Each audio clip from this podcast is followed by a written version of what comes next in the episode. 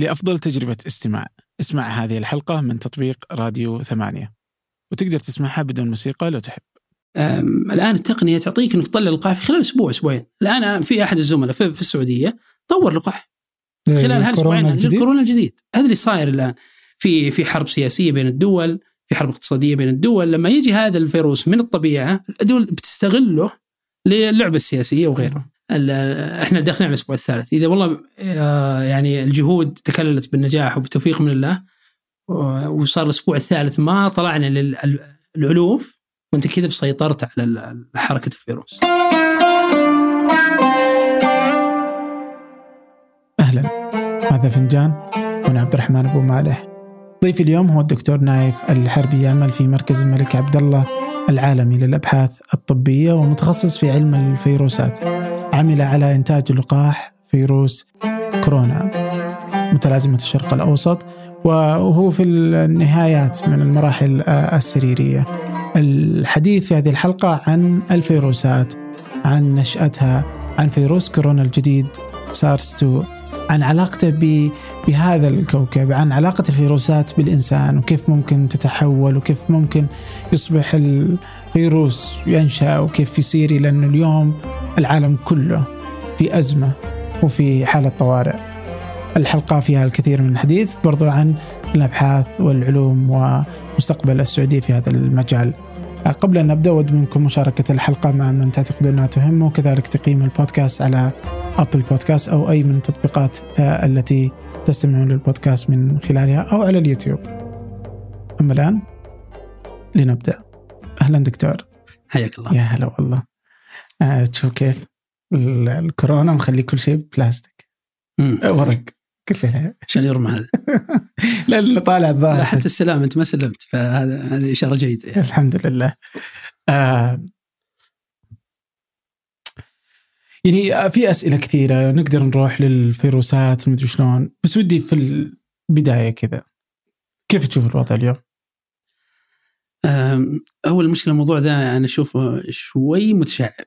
إن لم يكن متشعب بشكل كبير جدا. يعني إحنا ممكن نتكلم على الفيروسات نفسها ممكن على الأمراض ممكن عن التعامل الدول مع مع الجائحة الجديدة هذه كورونا أو كوفيد 19 ممكن نتكلم على دور مراكز الأبحاث بما أني باحث في في الفيروسات الطبية.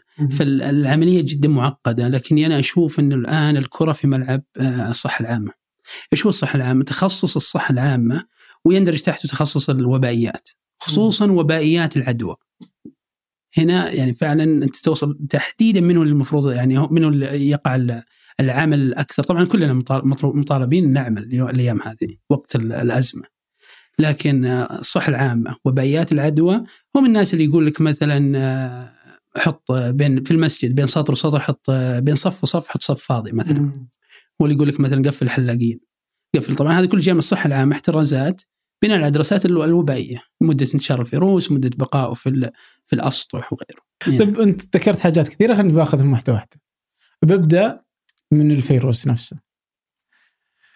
آه وش يعني فيروس؟ وش فرقه عن البكتيريا؟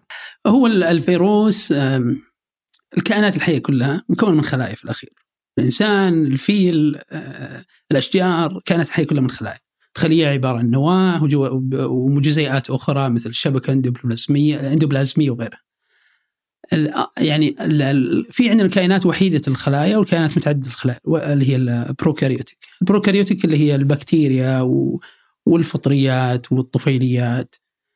آه، وهذه نسميها مجملا أحياء دقيقة أو أحياء مجهريه أو بعض الدول العربية يسموها علم الجراثيم. يعني. ف الفيروس آه، الفيروس طبعا ما هو خلية حية. يعني البكتيريا الآن أعطيك خلية واحدة فقط. تحطها في وسط غذائي أو في بركة مثلا فيها طحالب وفيها أغذية آه، ممكن تتكاثر هذه الخلية. الخلية الواحدة تتكاثر. بذاتها. إي بذاتها. تنقسم تنقسم وتتكاثر إذا توفرت لها توفرت لها البيئة المناسبة والاغذيه الفيروس ما راح يتكاثر بذاته. فيعني في ديبيت كبير من من يمكن 200 سنة أو 150 سنة من أول ما طلعت الفيروسات هل هي كائن حي ولا غير حي؟ هي هو كائن حي إجباري التطفل. يعني انت إن صحت الترجمة. يعني ما يعيش إلا متطفل على على عائل. بالتالي سواء هذا العائل شجر يعني في فيروسات تصيب الأشجار. في فيروسات تصيب الحيوانات. في فيروسات تصيب البكتيريا. تعيش داخل البكتيريا.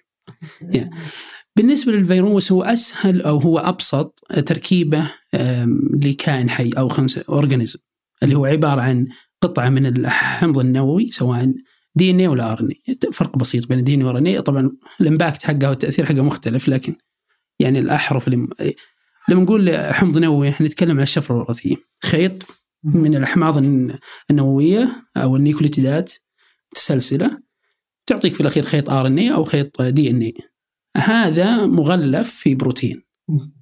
وهذا البرو... هذا هو الفيروس. هذا الفيروس. هذا الفيروس. كل الفيروسات. كذا.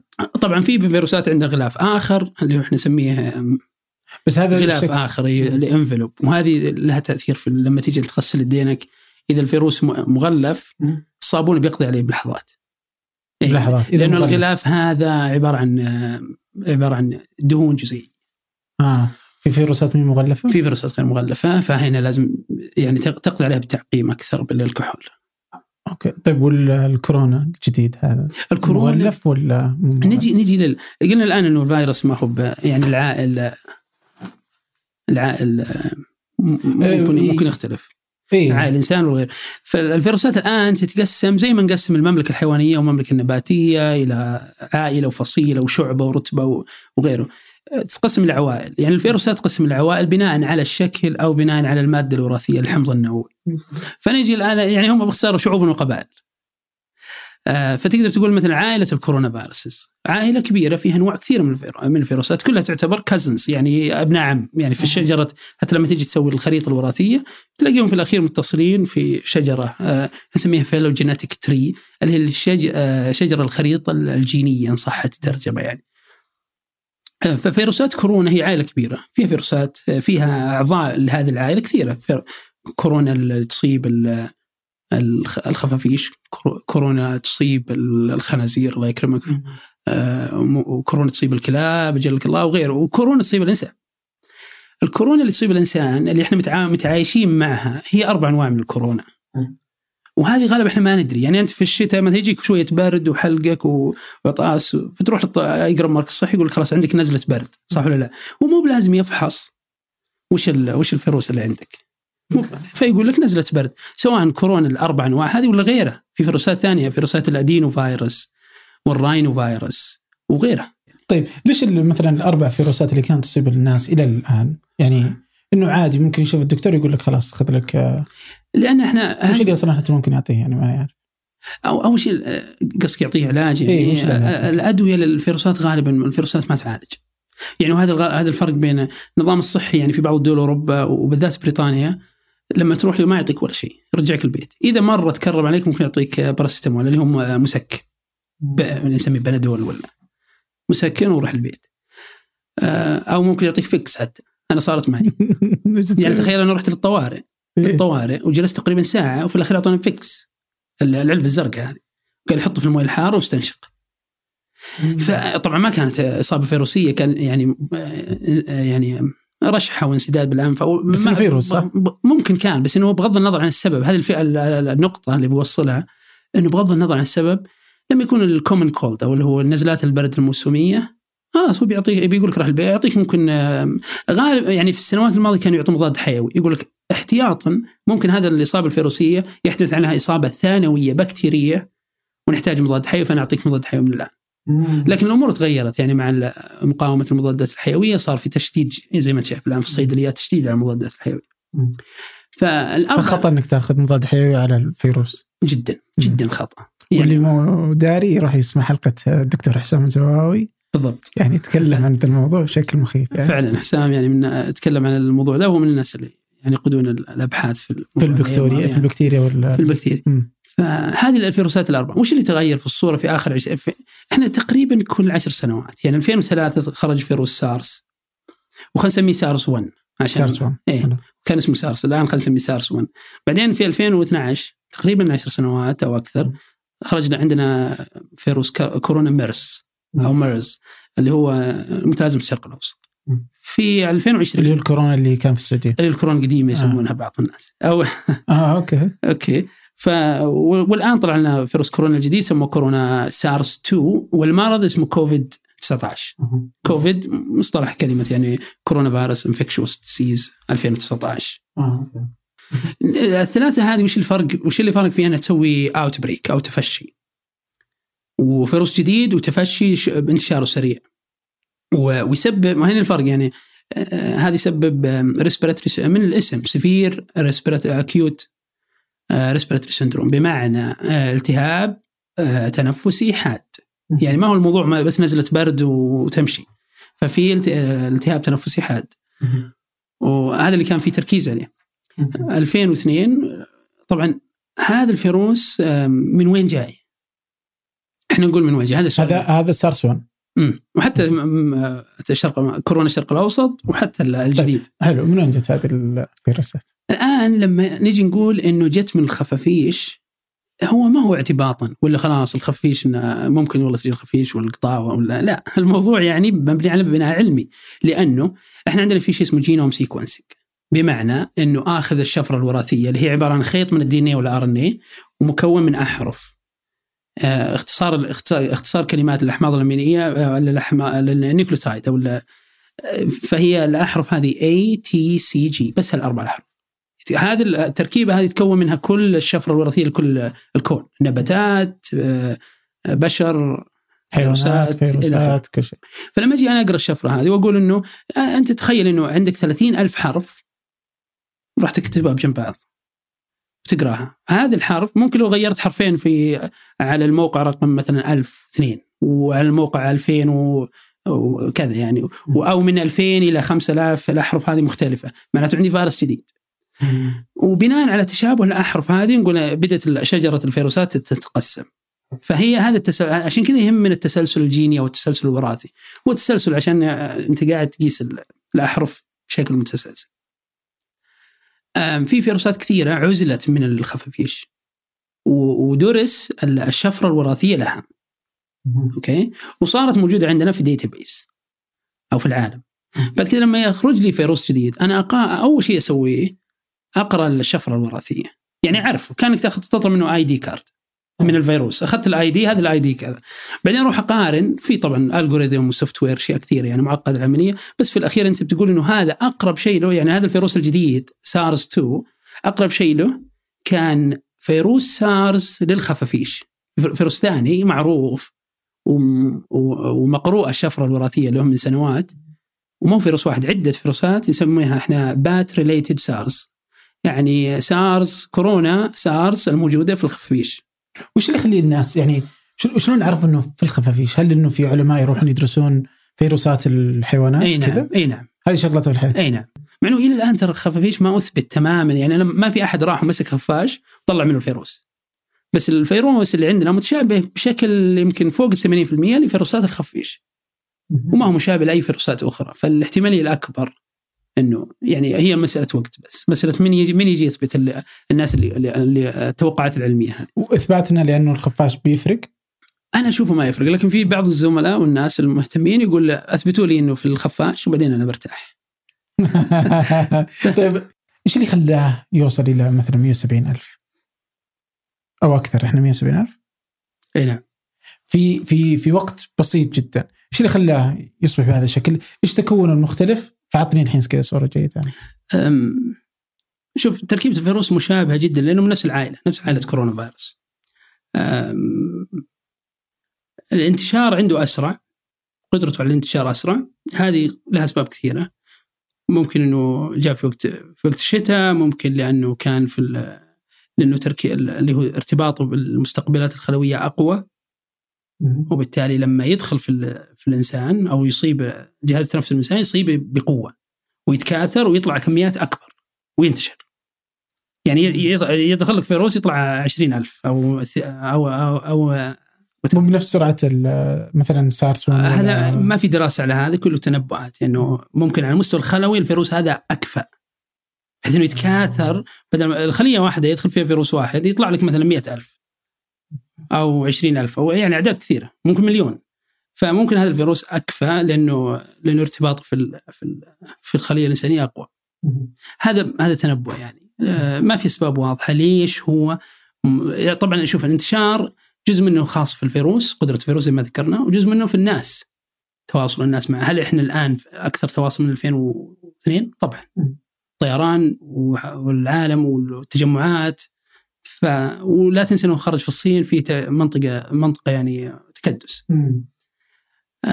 فهذه كلها أسباب لا, لا على الناس ولا على الفيروس. وبرضه الجو يعني الجو ساعد يعني. إنه الفيروس آه، خرج في في الشتاء في يعني الشتاء. آه. ليه؟ هل ممكن إنه آه، في الصيف يهدى؟ آه، ممكن يخف نعم. ليه؟ لأنه شوف لما نجي لموسمية موسمية الفيروسات تختلف. يعني في فيروسات مثل شلل الأطفال يجي في الصيف. نهاية الربيع على بداية الصيف. ال- بين في في- فيروسات مثل العنقز يجيك في الشتاء على آخر الشتاء. ال- في الإنفلونزا في الشتاء. هذا الفيروس بما انه جاء في الشتاء. آه، الموسمية حقته ما هي واضحة لكن آه، وش الأسباب اللي تخلي نقول مثلا هذا فيروس شتوي ولا صيفي ولا غير؟ أسباب كثيرة من ضمنها أهم شيء الطقس الجو يعني. الحرارة الرطوبة آه، أشياء ثانية مثلا العائل. إذا في حيوان قاعد يطلع لي الفيروس هذا يطلع من الحيوانات وش الحيوانات هذه؟ مثلا في الكورونا الإبل إحنا عارفين إنه كورونا ال- الكورونا المتلازمه الشرق الأوسط يتكاثر في الإبل وقت ولادة الإبل اللي هو وقت الشتاء. وبالتالي في نهاية الشتاء يبدأ يطلع عندك في ال- في البشر في الناس. فهي فأنا الآن أنا موسم وإن كان موسم كورونا الشرق الأوسط ما هو ثابت بس على الغالب يعني نتكلم على ماي plus minus شهرين. okay. فهو وارد إنه يكون في الصيف آه، أقل أقل نعم للأسباب هذه بس إنه مو مضمون برضه مو صح؟ مضمون نعم في ناس تجي تقول آه مثلا الإنفلونزا الموسمية مثلا إنها أصابت 35 مليون شخص في أمريكا بس في السنة اللي فاتت. مم. يعني في ليش اليوم زعلانين مرة و... وهلع يحصل في العالم كله، اليوم الدول تقفل اقتصادات تطيح آه، أزمة عالمية. اول شيء الشعوب العالم كلها ما عندها مناعة للفيروس هذا يعني الإنفلونزا يجيك في السنة في ناس كثير يعني يبنون يبنون مناعة ضد الانفلونزا كل سنة حتى لو جاك الإنفلونزا ما يقتلك يعني. إلا إذا كنت صحيح يعني معافى يعني. رغم ذلك إنه في ناس تموت من في في ناس تموت من الإنفلونزا يعني. لكن نسبة وفاة من الإنفلونزا أقل من من هذا الفيروس مثلا. فيعني موضوع إنه الفيروس جديد آه، المناعة ما آه، أيضا دراسات قليلة عليه. آه، فما انت ما تتوقع. والآن الموضوع الأهم برأيي اللي هو إنه هذول الناس راح يمرضون ينتهون عندك وين؟ في العناية المركزة، كم عندك سرير عناية مركزة في السنة في في البلد؟ يعني دولة مثل بريطانيا أعلنوا قالوا عندنا 4000 سرير. كل بريطانيا سكانها كم تقريبا 80 إلى م- أنا متذكر 80 90 مليون آه عندهم 4000 سرير عناية مركزة. يعني 4000 مريض وبعد كذا خلاص قفل. فهنا الخوف أنت لازم تقفل تحاول تم يعني يعني ال- ال- الرأي البريطاني الاستراتيجية البريطانية قالوا إنه راح نترك الفيروس يعني يصيب الناس ويعطيهم مناعه والحمد لله الناس اللي في الكبار في السن وعندهم اعتلالات هذول لازم يحمون أنفسهم ويقفلون أنفسهم مدة سبع أيام لا تقفل المدارس ولا تقفل ال- أي. نشاطات إي نعم. مختلفة. طيب اللي جالس يصير في بريطانيا من ناحية علمية من ناحية علمية تشرح لي؟ شوف هو من ناحية علمية كل الاثنين صح يعني العزل وبريطانيا العزل. وبريطانيا كل الاثنين كل واحد عنده وجهة نظر بس أنت أهم شيء إنك ما تو... لازم تاخذ قرار بريطانيا يقول لك إنه لو أقدر أعزل كل الناس الأصحاء والصغار في العمر والأطفال والشباب وأحطهم في جهة من بريطانيا وأعزل كبار السن في جهة أخرى من بريطانيا وأخلي الفيروس فقط يصيب الناس الأصحاء كذا أنا هذا هذه نظريتي. إنه يصيب الأصحاء ويكون عندهم مناعة وبعدين اخلطهم مع بعض بس يقول هذا مثال نظري طبعا مثال مستحيل يصير لكن هذا هذا الهدف إنه إنه يصيب الناس ويكون في مناعة. هذه المناعة إحنا برضو ما نعرف هل المناعة هذه بتستمر ولا لا. يعني لو جاء بعد سنة هل المناعة بتكون يعني انتهت تماما ولا موجود بس طبعا ما في مناعة تنتهي تماما لأنه عندنا خلايا اسمها خلايا الذاكرة. يعني خلايا الليمفاوية في الجسم تصير خلايا ذاكرة. خلاص هذه الخلية عندها ذا- ذاكرة للفيروس المعين. وتبقى فترة أطول. يعني وإن كانت يعني خ... وإن كانت يعني تختبئ في الغدد الليمفاوية وخلاص تبقى. لكن لو تنشط راح يكون الرد أسرع. دائما الرد الاصابه الثانية والثالثة أسرع السنة الجاية واللي بعد. بس يبدو لي بريطانيا قالوها صريحة يعني آه، موضوع. في ناس راح يموتون يموتون قبل أجلهم يعني أجلهم. هذه يعني صعب صعب إنك تقول زي كذا لكن هذا الحاصل. المشكلة مو بهنا المشكلة إنه آه، بريطانيا تقريبا هي هي الشذوذ من هي القاعدة شذوذ القاعدة. فالناس اللي موجودين بريطانيا بيسافر وبيجيك هنا وبيجيك يروح دول ثانية. فيعني كأن إحنا العالم كله سمح إنه يكون في بؤرة في دولة واحدة تكون يعني تكاثر الفيروس طيب الحين ويبدو لي إنه المو... إنه التشديد على بريطانيا السفر من بريطانيا إلى الدول الأخرى راح يطول يعني. لأنك أنت أنت معترف إنه أنا ما وقفت الفيروس ولا حتى أكشف. يعني بريطانيا ما هي من الدول اللي تكشف بشكل قوي. يعني تسوي التحاليل. خلاص أنت عندك آه، كحة وحرارة خليك في البيت.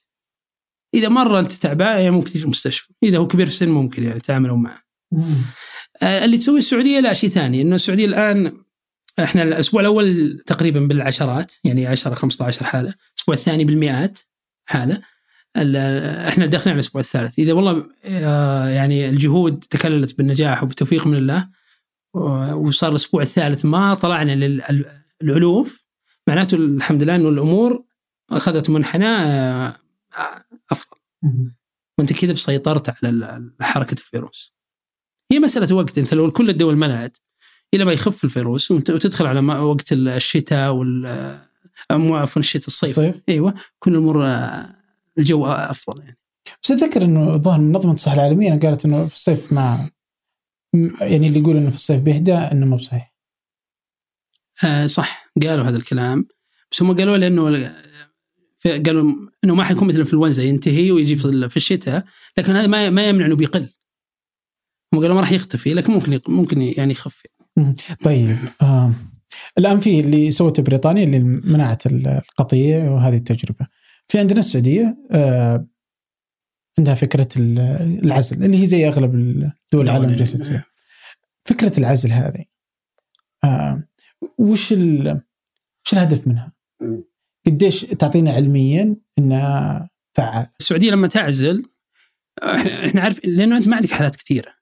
وانت ما تبغى يوم من الأيام يصير عندك حالات كثيرة وجزء كبير من هالحالات يحتاج عنايه مركزة ويضغط على السيستم الصحي، النظام الصحي. هل عندك استطاعة؟ هل عندك كبا- زي ما قلنا بريطانيا 4000 سرير، السعودية ممكن ما أدري ممكن أقل آه، أو أكثر بس لنفترض إنه نفس الرقم مثلا، هذا رقم يعني محدود في النهاية. في العز في الاحترازات اللي صايرة الآن إنه الفيروس ما يجي وينتشر عندي. إلى ما يخف عالمي هو الفيروس بيخف عالميا يعني بسبب الصيف وبسبب إنه دورة أي أي فيروس. مع الوقت يصير في تنبني مناعه مناعة عند الناس يقل تكثر الاحترازات ويخف مع الوقت يعني. ففي السعودية يعني الطريقة صحيحة لأنه الفيروس ما ما ما تكاثر عندك ما انتشر. فأنت هذا أول شيء تسويه إنك تمنع. آه، بريطانيا قفزت لآخر مرحلة لأنه خلاص ما في شيء نسويه خلاص العملية تكون آه، مناعة القطيع.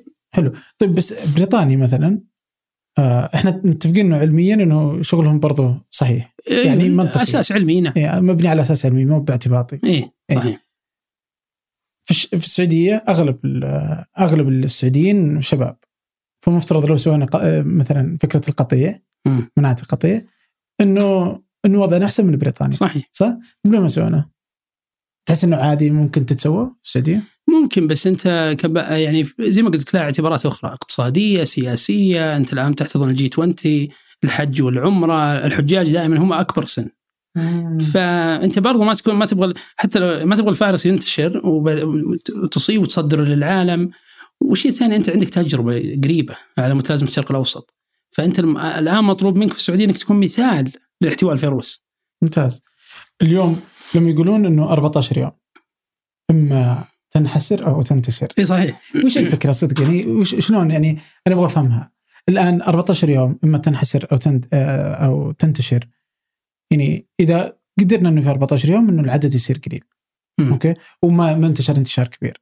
طيب بعد 14 يوم ممكن نعيد ال 14 يوم ثانية فهمت؟ ممكن لكن إحنا يعني أحس إنها دوامة ولا إنه إذا 14 يوم عديناها خلاص إحنا سليمين نقدر نرجع لا أنت بدا حدود. بدا الفيروس ينتشر عندك وصارت في حالات الآن إلى اليوم 103 لا الآن قبل شوي أنا شيكت قبل إيه. 171 170 إيه. أوكي أعلنوا الآن- 36 حالة جديدة اي فهذا معناته إنك الآن الفيروس دخل فأنت بتكسر المنحنى البياني بدأ في في بازدياد لما توقف و14 يوم فترة حضانة الفيروس. فتخيل إنه في مريض موجود في مكان أو أعراض طفيفة أنت الآن قفلت عليه في البيت فما أعدى عدد كبير وكسرت المنحنى نزل المنحنى حتى لو نزل المنحنى حتى لو طلع مرة ثانية أنت الآن آه، أهم شيء إنك كسرت المنحنى وقفت الفيروس. و14 يوم هي فترة حضانة الفيروس. يعني لو ش- فرضنا إنه في شخص مصاب اليوم وحوالينه ناس هذول الناس إذا ما طلع عليهم المرض خلال أسبوعين على الغالب ما راح يطلع لهم مرض يعني خلاص إنه جتهم عدوى لا آه، آه. فترة إنه ما ما اصيبوا مثلا. ما اصيب إيه. آه لما يجيك واحد مريض تروح تتابع الناس اللي هو تواصل معهم. آه هي ممكن إنه جاهم العدوى بس ما ظهرت الأعراض تعطيهم فرصة 14 يوم لتظهر الأعراض أو لا تظهر طيب إذا ما ظهرت خلال 14 يوم قدرنا نحافظ إنه يصير مثلا إحنا نخاف إنه يصير فوق الألف صح؟ أيوه بالضبط إيه. إذا حافظنا على إنه كذا في ال 200 300 أنت بشهر مارس إيه. عدينا 14 يوم إحنا في ال 200 300 معناته معناته أنت الحالات أقل من الطاقة الاستيعابية لك، الطاقة الاستيعابية لك وقدرة النظام الصحي أقوى من عدد الحالات. فهي مانجبل يعني تقدر تقدر تسيطر تقدر. تسيطر على الوضع خلاص. حتى لو صار زادت حالات آه، لا زال الموضوع تحت السيطرة فأنت كسرت المنحنى البياني لازدياد الحالات من هو من منحنى أفقي أو إنه ازدياد اكسبوننشال كذا عالي إلى آه، زي اللي بشكل هضبة يعني يعني إذا عدت ال 14 يوم. إيش يمنع إن من يعني ليش ليش نقدر نرجع طبيعي؟ فاهم علي؟ يعني ليش نرجع طبيعي؟ أنا ودي يعني ما- بس إني أبغى أفهمها. انت أنت يعني- قفلت أنت قفلت الحدود صح؟ قفلت الحدود، على الناس كل. شيء. طبعا أنت بس يعني معناته إنه يمكن باقي واحد ويرجع ينتشر من جديد. نرجع ناخذ ال ال يعني يصير زي كذا. احتمال مو احتمال. وارد احتمال وارد. زي ما قلت لك يعني يعني- عندنا عندنا الناس متخصصين في الوبائيات الامراض المعدية. مم. هذول هو أكثر ناس يدرسون الحالة. يعني زي ما قال واحد في ال WHO في منظمه الصحة العالمية إنه أهم شيء إنك تتحرك. اهم شيء انك تتحرك كل كل قرار راح يكون له سلبيات وإيجابيات. بس الآن الإيجابية أنك أنت من أقل الدول ولو تأخذها نسبة تناسب 170 حالة على 30 مليون ترى ولا شيء. بينما تلاقي دول مثلا سكانها 6 مليون 5 مليون وعدد الحالات مثلك أو أكثر. فدائما يعني نسبة تناسب تحسب آه، ممتاز. لأن احس انها بدأت من بدري الاحتراز الاحتراز من بدري وسبقنا دول كثيرة سبقنا دول كثيرة يعني. شوف تفكر فيها إيقاف الحج والعمرة. أو العمرة. آه، المساء تقليص وقت الصلاة إيقاف الحلاقين والمطاعم والمنت... يعني آه، والآن قرأ. قفلوا المساجد والعمل برضو. مم. ف. يخوف ذا ال- يخوفني من ناحية. شلون ذا المرض؟ إني ما أدري ما أدري يعني ما ما أقدر أتحرك ما أقدر ما أقدر أجلس في البيت. مثلا ما أقدر أجلس في البيت وأحس إنه عادي. يعني قاعد في البيت فما أدري يمكن واحد من إخواني عنده مرض. يعني فيه كورونا. إيه. أنا ما أدري. ما أدري إذا أنا التزمت إنه كلهم ملتزمين. وإذا قعدنا في البيت تحس إنه كلنا طبيعي. طيب يعني فال فاللي يخوفني إنه إحنا ما نقدر نخاف. فهمت؟ مم. ما يخوف المرض. ما, ما, ما تشوفه بعينك. ما تشوفه وتحس إنه طبيعي. أنا ما جاني. أنا ما هو بجايني. خلاص يعني. فتودك تعيش حياتك طبيعية. بس انك ما تدري إذا هو تخاف. هو هو المشكلة. نعيش المشكلة في الأزمة هذه ان نعيش حياتنا طبيعية. المفروض ما نعيش حياتنا طبيعية. نعيش حياتنا في الحجر. يعني هو تقريبا حجر صحي الآن على الناس. ما في عمل ما في بقالات ما في سوبر ماركت ما يعني إلا بشكل ما في مطاعم مفتوحة يعني إلا بشكل مقنن يعني. فهو هذا المطلوب. هذا المطلوب لأنه الفيروس غير مرئي وممكن ونرجع لاصابه الاصابات الطفيفة. يعني لو قابلت لك واحد وقال لك أنا عندي حرارة وكحة بس شيء بسيط ممكن هذا يعديك ويروح المسجد ويعدي له كم واحد و... ومتى يظهر فعلا لما يروح الواحد عنده اعتلالات ثانية وهذا الشخص يروح المستشفى و... اللي سكر ولا مثلا إيه. سرطان ولا وحتى لو يصيب لو يصاب شخص الآن يسالونه من خالط ويحاولون يسحبون عينة من الناس المخالطين.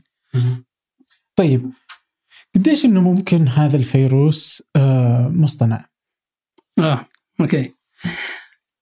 شوف فالآن في فيلم آه سواه مات ديمن اسمه Contagion. الفيلم هذا يمكن نسيت والله متى طلع. أنا ماني متأكد 2011. 2011 أوكي. أنا شفته في السينما يعني وقتها. و- وبعدها بيمكن ثلاث شهور أربع شهور يومها جاء المؤلف أو أحد اللي كتبوا النص. اسمه لاري بريليانت. لاري بر- بريليانت كان طبيب أو عالم فيروسات وساعد منظمة الصحة العالمية في القضاء على فيروس الجدري من خلال التحصينات. فهو دارس الفيروسات وعارف إنه في خفاش وعنده فيروسات كثيرة. لما كت- كتب النص كتب إنه آه لنفترض إنه فيروس جديد خرج من الصين من الخفاش. زين؟ فلما تجي أنت الآن تشوف الفيلم وأنت ما ما أنت عارف الخلفية العلمية للفيلم نفسه لل movie بتقول أوه الناس قاعدين يتوقعون. يعني هذه مؤامرة ومعروفة والدليل إنه في فيلم قاعد يقول إنه في خفاش راح يصيبنا مرض فيروسي تنفسي في الصين. بينما بالحقيقة لا هو لأنه لأنه الفيلم, الفيلم, الفيلم استعان بناس خبراء في الموضوع ده وعندهم كمية من المعلومات. فهم صبوا المعلومات هذه في ال movie. نفس الشيء فيلم Outbreak عام 94 مورغان فريمان و آه نسيت الاسم الثاني. مورغان فريمان ولا واحد ثاني. فهم يعني نفس القضية فيروس جديد آه، يكون في قرد والقرد ينتشر ويهرب مثلا وللغابة وبعدين عض ما أدري إيش والطفل نقل المرض. هذا كان قرد وهذا كان خفاش. ليش قرد؟ لأنه لما طلع فيروس الايدز في الثمانينات هو جاي من القرود. وفيروس الكورونا السارس في 2003 جاي من الخفافيش فيعني يعني الخيال له حدود يعني. طيب آه بس إنك تقول إنه برضه لأنه هو عالم وعارف الموضوع فكان سهل عليه اي فما في نظرية مؤامرة. لما يجي واحد يشوف الموفي هذا ويقول والله يا جماعة في نظرية مؤامرة. والدليل إنه في في أفلام تنبأت بالموضوع لا في الأفلام هذه ما هي ما هو دليل على إنه في مؤامرة. في في أشياء ثانية لما يجيك واحد يجي باحث مثلا ويبحث بالشفرة الوراثية للفيروس يقول والله لقيت يعني 20 حرف أو 100 حرف في الفيروس مشابهة لفيروس الايدز طبيعي بتكون مشابهة. ما إحنا قلنا كل الفيروسات أصلا في الأخير هي من من آه، يعني آه، كل الكائنات الحية يعني إلا ما تلاقي تشابه. فهو قال إنه هذا متشابه في الايدز فأكيد إنه في واحد ركب كلقاح للايدز جاب الجين من الايدز وحطه في الكورونا. لكن فقد السيطرة على الفيروس وانتشر الفيروس. أوكي. هذا علميا ما هو مدعوم لأنك لما تجي الخريطة الوراثية للفيروس نفسه تشوف إنه تطور طبيعي وتدريجي وسطل يعني ما هو ما هو واضح تطور متناغم من فيروسات كورونا الموجود في الخفافيش في الخفافيش أصلا. حتى لما تجي تقول الحين الصين إنه آه، إنه أمريكا هي اللي سوته شوف الصين لما تقرأ هو مشكلتنا في العناوين يعني الصين ما قالت كذا الصين قالت إنه منشا الفيروس من أمريكا. ليش؟ لأنه لأنه لما رجعوا للحالات في شيء يسمونه ال patient zero المريض رقم زيرو صفر. المريض رقم صفر في الصين لقوا إنه الخريطة الوراثية للفيروس اللي في هذا المريض مختلفة شوي عن المريض اللي في أمريكا. وأمريكا كم مريض مختلفين شوي جزئيا يعني. نحن نتكلم فاصلة صفر يعني صفر فاصلة something آه، فقالوا معناته المريض رقم صفر ما هو في الصين هو في أمريكا. ولكن لما وصل للسوق الأسماك أو المأكولات البحرية اللي كان في ووهان انتشر. فهو هذا ما يعني إنه حرب آه، بقدر ما هو إنه بس تنبؤ إنه علميا ممكن كان في واحد مريض في أمريكا وجاء للصين. وهذا ممكن تصير ترى. مو بلازم إنه فعلا المريض رقم صفر كان في الصين. ممكن يكون في أي دوله ممكن في تايوان ولا تايلاند ولا بس إنه اكتشف في الصين يعني. أوكي. طيب آه بس برضو يعني مثلا بيل جيتس وكثير من الناس المهتمين بالموضوع اللي له علاقة بال يسمونه؟ الحروب البيولوجية أو الحيوية. يعني إنه وارد إنها تكون في حرب يعني بيولوجية منطقي يعني ممكن تصير صح؟ صح. علميا ممكن حد يقدر يسوي شيء زي كذا. طبعا أيوه قديش هذا ليش الناس تحس إنه هذا مو إحنا كنا في مؤتمر في الرياض هنا وكان صراحة من يعني من مؤتمر من أفضل المؤتمرات اللي صارت إنه عن الأمن البيولوجي في السعودية. مختصين يعني كل واحد يدلي بدلوه. فكان يتكلموا الناس إنه الحرب البيولوجيه قريبة جدا. فعلا هي قريبة جدا. وقريبة المختص ممكن يكون هو سبب في آه، الحرب البيولوجيه لأنه هو أكثر واحد ممكن يركب جزيئات وكذا. عشان كذا العملية مقننة جدا. يعني أعطيك مثال على الحرب البيولوجيه آه، في فيروس منقرض. منقرض مو موجود. يصيب الخيول. لكن الشفرة الوراثية له موجودة في الإنترنت. موجودة في في قاعدة البيانات. جاء هذا الباحث أو العالم موجود في كندا يعني فركب طلب من الشركة انه ركبوا لي كيميائيا يعني نركب لك الشفرات الوراثية. يعني عبارة عن عدة خيوط ربطها مع بعض صار في شفرة وراثية كاملة للفيروس. حطها في خلايا وتقنية معينة ويعني المختصين ممكن يسوونها. أو إنهم قادرين علميا وتقنيا على أحداثها. آه، طلع لنا فيروس جديد. آه، مو آه، منقرض. هو منقرض الآن طلع لك موجود في اللاب. فأنا أعدت اختراع أعدت إحياء إن صح حتى اللغة يعني أعدت إحياء فيروس منقرض. فبدا الآن الكلام على الحرب البيولوجية. هو هذا باحث وما سوى لي العمل ذا ما قام به لأنه مثلا بحرب بيولوجية ولا بس يبغى يجرب. يثبت إنه فعلا العملية ممكن تشتغل. آه. فبدأ الناس يتكلمون عن الحرب البلجية فصار في تشديد على الشركات اللي يعطوك هذه الخيط أو الرفيع من من الأحماض الدي إن إي. إنه الشركة لما لما تجي أنت الآن تطلب من الشركة الفلانية عدة آه، شفرات وراثية عشان تركبها مع ممكن الشركة ما تعطيك لأنه في تشديد عليهم الآن. فالحرب البيولوجيه قريبة يعني ما هي بعيدة يعني المبدأ من حيث المبدأ موجود. قابل. يعني قابل انه أي أحد ممكن يسوي هذا الشغل هذا العمل يعني. فهو المبدأ قائم. لكن لما يجي فيروس جديد زي كورونا سارس هذا وتقول لي هل هو في أحد مركبه؟ لا إحنا درسنا وراثي ودرسنا الشفره الوراثية مئات وعشرات من الناس أو مئات من الناس المختصين قالوا إنه ما هو مركب. تخاف زي بيل جيتس من؟ من الحرب البيولوجية؟ أم، وأنت أدرى من مننا في الفيروسات يعني. والله شوف آه، يا مشكلتنا إحنا البشر كلهم ذاكرتهم بسيطه يعني بسيطة. ننسى. يعني بداية استعمار العالم الجديد اللي هو أمريكا كان في حرب بين السكان الأصليين والمستعمرين البريطانيين واسبان وفرنسيين. فوصلت سفينة بريطانية محملة بالبطانيات اللي اللي أخذت من مستشفى آه، أمراض الجدري في لندن. وأعطيت البطانيات للسكان الأصليين. وأصيبوا بالجدري. وماتوا. ماتوا عدد كبير مهول. بدون معركة. فهذه هذا مثال حي ومكتوب وموثق وحتى البريطانيين يذكرونه في كتبهم يعني. فهي موجود فإحنا ننسى يعني إنه ممكن يصير. لكن ال- الإنسانية الآن بدأت يقول لك لا الأخلاقيات ولا بس كل شيء ممكن يصير كل شيء ممكن يصير. كل شيء ممكن. طيب. كل شيء ممكن يصير ما يعني إنه الفيروس الجديد مؤامرة. علميا إنه علميا مو مؤامرة. يعني متى تيجي المؤامرة؟ لما انت تكون لما تكون آه، واقف على مكان مجرى ماء وعندك قارب زين؟ يوم من الأيام جاء السيل. أنت بتطلع القارب وتبيعه على جيرانك صح ولا بتأجر عليهم؟ أنت جاهز. الطبيعه هي اللي جا يعني ال- الفرصة أتت بحيث إنك أنت جاهز. هذا اللي صاير الآن. في في حرب سياسية بين الدول في حرب اقتصادية بين الدول. لما يجي هذا الفيروس من الطبيعة الدول بتستغله للعبة السياسية وغيره آه لأنه حتى ف- مثلا على اللقاح إنه سرعة آه، آه، إنه أمريكا اليوم أو أمس يعني آه، صارت تجرب تجارب سريرية على اللقاح. فسرعة التك يعني اللقاح إنه أوه لأنهم عارفين هم اللي مسوين ال- لا لا لا أم، الآن التقنية تعطيك إنك تطلع لقاح في خلال أسبوع أسبوعين. الآن في أحد الزملاء في, في السعودية طور لقاح. خلال الكورونا هالاسبوعين الجديد؟ الكورونا الجديد. آه ف يعني تطوير اللقاح التقنية الآن تطورت بشكل مهول. خلال أسبوعين ثلاثة أنا أطلع لك اللقاح. بس وين المشكلة؟ المشكلة إنه لما طلع زي ما شرحنا يعني هي مراحل. معلش على الشرح هي مراحل. يعني ال- الحيوان ال- بعد كذا الإنسان هذه مرحلة طويلة بس جدا على اللي صار في. أمريكا إنه آه، أما إنه سوى أنا صراحة ما تابعت بالضبط وش دراسات الحيوان اللي سوى. ممكن يسوي يعني الحيوان ممكن تسوي عليه أسبوعين ثلاثة. بس تشوف إنه سليم وفي انت في مناعة. وفي تجاوزات أو تسهيلات من المنظمين الريجوليتورز من المنظم لعمليه الأبحاث اللقاحات. اللي هو. ال FDA فال FDA السعودية أو هيئة الغذاء السعودية ولا في أمريكا هيئة الغذاء الأمريكية. أحيانا يتجاوزون من مبدأ اللي هو ال compassionate use اللي هو الاستخدام الرحيم. لأنه في حاجة وفي طوارئ. إحنا ممكن نسرع لكم ال application ونوافق لكم على دراسه خلال أسبوعين. والتصنيع برضه توقف المصنع اللي يصنع ال vaccine. أكيد إنه وقف ال- ال production line حقه وطلع ال prioritize لل vaccine الجديد. فكله طبيعي طبيعي جدا. هل ممكن السعودية بالعكس أنا أشوف إنه متأخر أصلا. آه. إيه. المفروض الناس قاعدين لأن ليش مت... مو متأخر لأنه بدا بدات أمريكا الدراسة السريريه أمس أو قبل أمس.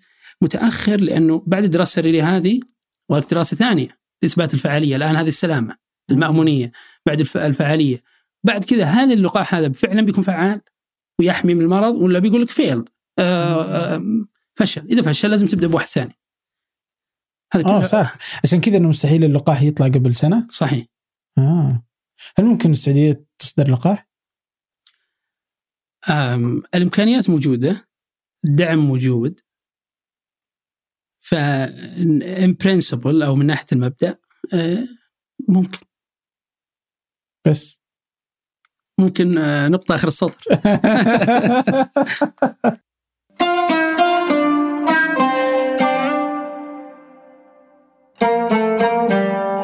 عندنا آه، كورونا متلازمه الشرق الأوسط.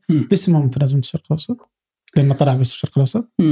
الاسم الاسم كان عليه صراحة يشكرون أنا ما أدري من هو اللي يعني ناسي والله من اللي بالضبط اقترح إنه ما يسمى السعودية. في ناس كثير كانوا بيسمونه سعودي كورونا فيروس أو أريبيان كورونا فيروس. آه، فأنت تخيل إنه الآن في فيروس موجود في العالم اسمه فيروس السعودية. الحين آه، الصين زعلانة لأنه ترامب مسميه بالضبط. كورونا الصين.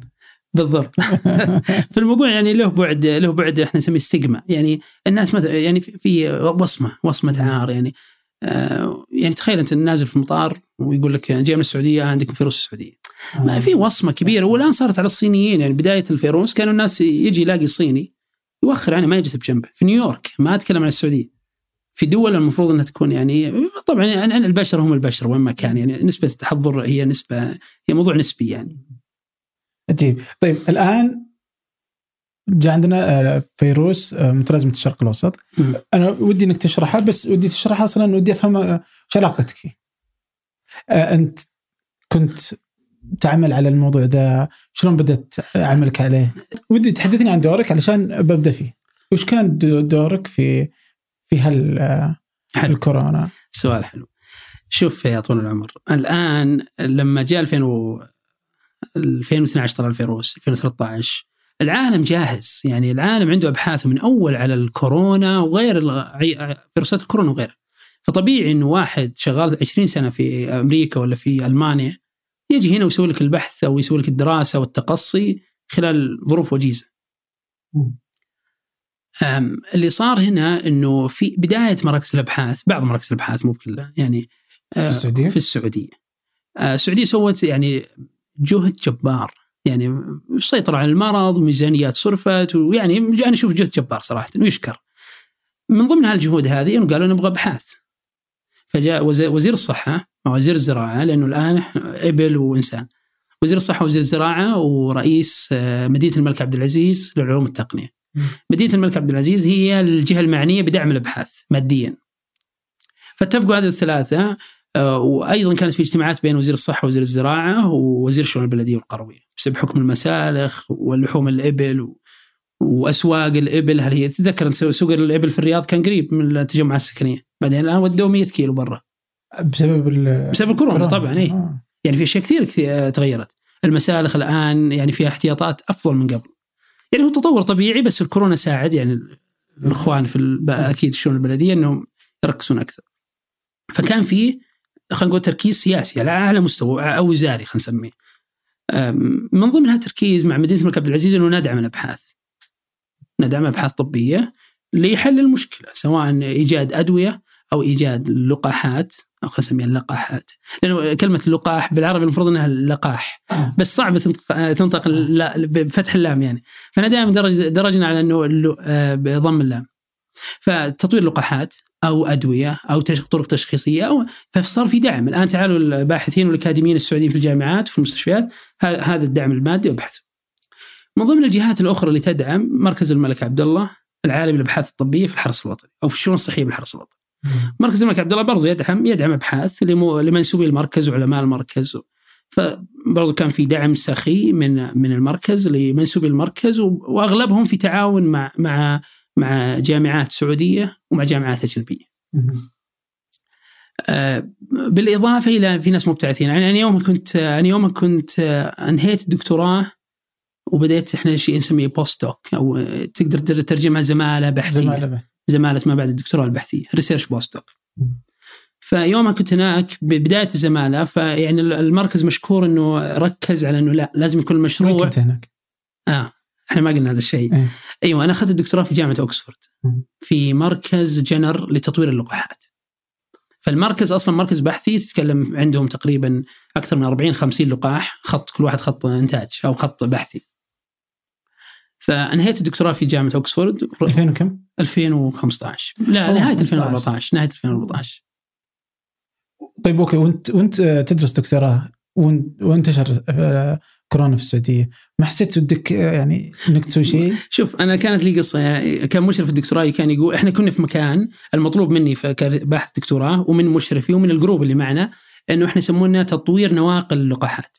يعني إحنا ما نطور لقاح بنفسه لمرض الملاريا ولا الدرن ولا الإيدز، لا إحنا نطور ال- الحامل الفيروسي أو البكتيريا أو البروتيني اللي أنت تيجي تركب عليه اللقاح. لمرض ABC ولا what فكان المشرف يقول دائما للمجموعة بما فيهم أنا إنه لازم تلاقوا لكم مرض. تشتغلون عليه، أنتم ما راح يبقى ما وضعكم ما راح يبقى كذا، يعني أنت دائما شغال على تطوير النواقل، النواقل أصلا الموجوده جيدة ما عندي مشكلة، نحطها بس ال- اللقاح فيها وهي توصل اللقاح للخلايا الانسان. فاتذكر يومها كان أنا أرسلت له قلت له يبدو إن المرض هو اللي لقانا إحنا ما لقيناه. يعني جاء متلازمه الشرق الأوسط فبدأ حراك وكانت نهاية 2014 يعني أنا ما كنت في نهاية الدكتوراه أنت ما ما تبغى تبدأ مشاريع جديدة خلاص. أنت بتخلص ترجع لديرتك. آه، فلما رجعت الحمد لله كان مركز الملك عبد الله يعني من المراكز اللي أشوفها أنها من أفضل المراكز في السعودية. عندهم طريقة جميلة جدا. أنت خلصت دكتوراه أنا ارجعك برا تدرس زمالة ما بعد الدكتوراه. مو تدرس بس هي نوع من التدريب وتطور شيء. فأنا رجعت لنفس المعمل آه، أو نفس القس المركز يعني مع جروب ثاني. وبدينا الآن نطور لقاح. يعني في البداية كانوا مقترحين لقاحات أخرى بس اصرينا على إنه يكون لا لقاح لل- يخدم البلد يعني منهم اللي أنت اصريته؟ أنا ودع- ودعمت من دعمت من المركز, من المركز؟ نفسه هي خطابات رسمية من المركز إنه لا هذا هذا الدكتور مبتعث من عندنا ونبغاه يركز على الكورونا لأن الكورونا آه، مرض مهم وما كان وطني. في اهتمام عالمي لإيجاد لقاح ما؟ يعني كان في بس ممكن يستلموا أي واحد. ممكن أي باحث في المركز. المركز تتكلم على في مركز جنر آه، لابحاث اللقاحات. تتكلم على في أكثر من 100 باحث. ممكن أي واحد يمسك فإحنا صرينا إنه لا هذا فرصة لنا وبما إنه آه، وبما إنه في شراكة وفي دعم آه، لإرسال الباحثين وأنا أولهم يعني. فجت موافقة من من نفس الباحثين اللي في اوكسفورد وصار في فريق. أنا واثنين أو ثلاثة ثانيين. آه، بدأنا في عملية بحث الآن بنركب اللقاح. هذا الآن فترة ال postdoc. بنركب اللقاح في ال lab في, في الأنابيب. تجيب ال- الجين الفلاني لا جيب الجين الفلاني جيب البروتين هذا الفلاني جيب يعني اختيار اختيار ال target إنه يعني كيف اشرح لك كيف تركب لقاح الفيروس عبارة عن آه، قطع زي زي قطع التركيبات خلينا نقول Lego okay؟ تسعة مثلا تسعة بروتينات وش البروتين اللي أنا باخذه من الفيروس وبستخدمه كلقاح أو كتطعيم لأن في ناس يسمون اللقاح تطعيم بحيث إنه إذا أعطيتك هذه الجزئية واحدة من تسعة تحدث عندك في الجسم في الدم عندك مناعة وهالمناعة تكون قوية بحيث لو لا قدر الله تعرضت للفيروس تكون أنت عندك مناعة قوية. فهذه عملية اختيار الهدف من ضمن التسعة بروتينات. فتمت هذه العملية وأثبتنا إنه فعلا قادر نقدر نركبه يعني أنت يعني ما شوف كيف تغير الموضوع تطوير اللقاح. متى طلعت اللقاحات؟ طلعت اللقاحات 1796 على واحد اسمه إدوارد جينر في بريطانيا طبيب بريطاني. إيش سوى إدوارد جينر؟ أنا برجع معليش تشعبنا شوي. قلبت إدوارد جينر لقى إنه إنه النساء اللواتي أو اللاتي آه، آه، يحلبن ال- الابقار لا يصبن بال- بالجدري. تروح تحلب آه، البقر وترجع مثلا ما أصيبت بالجدري. بينما العائلة الثانية والناس والرجال يصابون. السيدات ما يجي هذول السيدات اللي هنا ما ما ما أصيبوا. وش السبب؟ لقى إنه في فيروس شبيه الفيروس الجدري. يسموه إحنا نسميه جد جدري الأبقار. وإنه لما من عملية الحلب يكون تجيهم بثور في اليد. أوكي؟ وبثور في اليد هذا جدري الأبقار. مو بجدري الإنسان. فلما يجي جدري الإنسان اللي هو الفيروس الجدري بيصيب السيدات هذول. ما يصيبهم. ليش؟ لأنه عندهم مناعة من هالجدري المشابه. فقال يا جماعة الخير تعالوا. خلاص بدل ما بدل ما يموتون عندنا الناس بسبب الجدري أنا باخذ جدري الأبقار وبحقنه في الأولاد الأطفال عندنا. وأعطيهم مناعة. وفي اعتراضات وكذا جاب ولد أتوقع إنه كان طفل لأحد العاملين عنده في في المنزل أو في المزرعة. فحقن الطفل ومعروف القصة مسجلة وعليها أوراق علمية وقصة واضحة يعني. جاب بثور من بثور من من الأبقار اللي هو جدر الأبقار وحقنها في في الطفل. والطفل قاعد فتره طبعا ما صارت عنده بثور بسيطة بس ما مرض ولا مات ولا صار شيء. بعد سنة قال لحظة الآن بنعطيك الجدري نفسه بنعطيك الجدري اللي يقتل. وبنشوف هل أنت محمي أو غير محمي. وفعلا أخذ جدري و- بالجلد كذا يغرسه بالجلد ولا ظهرت عليه أعراض المرض تماما. أنا نسيت والله هي سنة بالضبط ولا أقل ولا أكثر. بس هذه هي الفكرة اللي هذه فكرة اللقاح فأنا ممكن أعطيك شيء شبيه علشان أحميك من المرض الر- الرئيسي. نجي الآن للعصر الجديد، العصر الجديد أنا ما يحتاج أخذ كورونا أو أجيب كورونا قريب وأعطيك إياه على انه لقاح.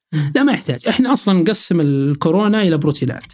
وناخذ واحد فقط من البروتينات، البروتين هذا بحد ذاته مو قادر على أحداث زي مثلا تجيب مركبة مثلا تجيب عجلة سيارة، هل بنفسها بتحرك سيارة؟ ما تقدر، لا. يعني أو إنك تأخذ عضو من حيوان مثلا تأخذ رجل أو يد من هالكائن الحي.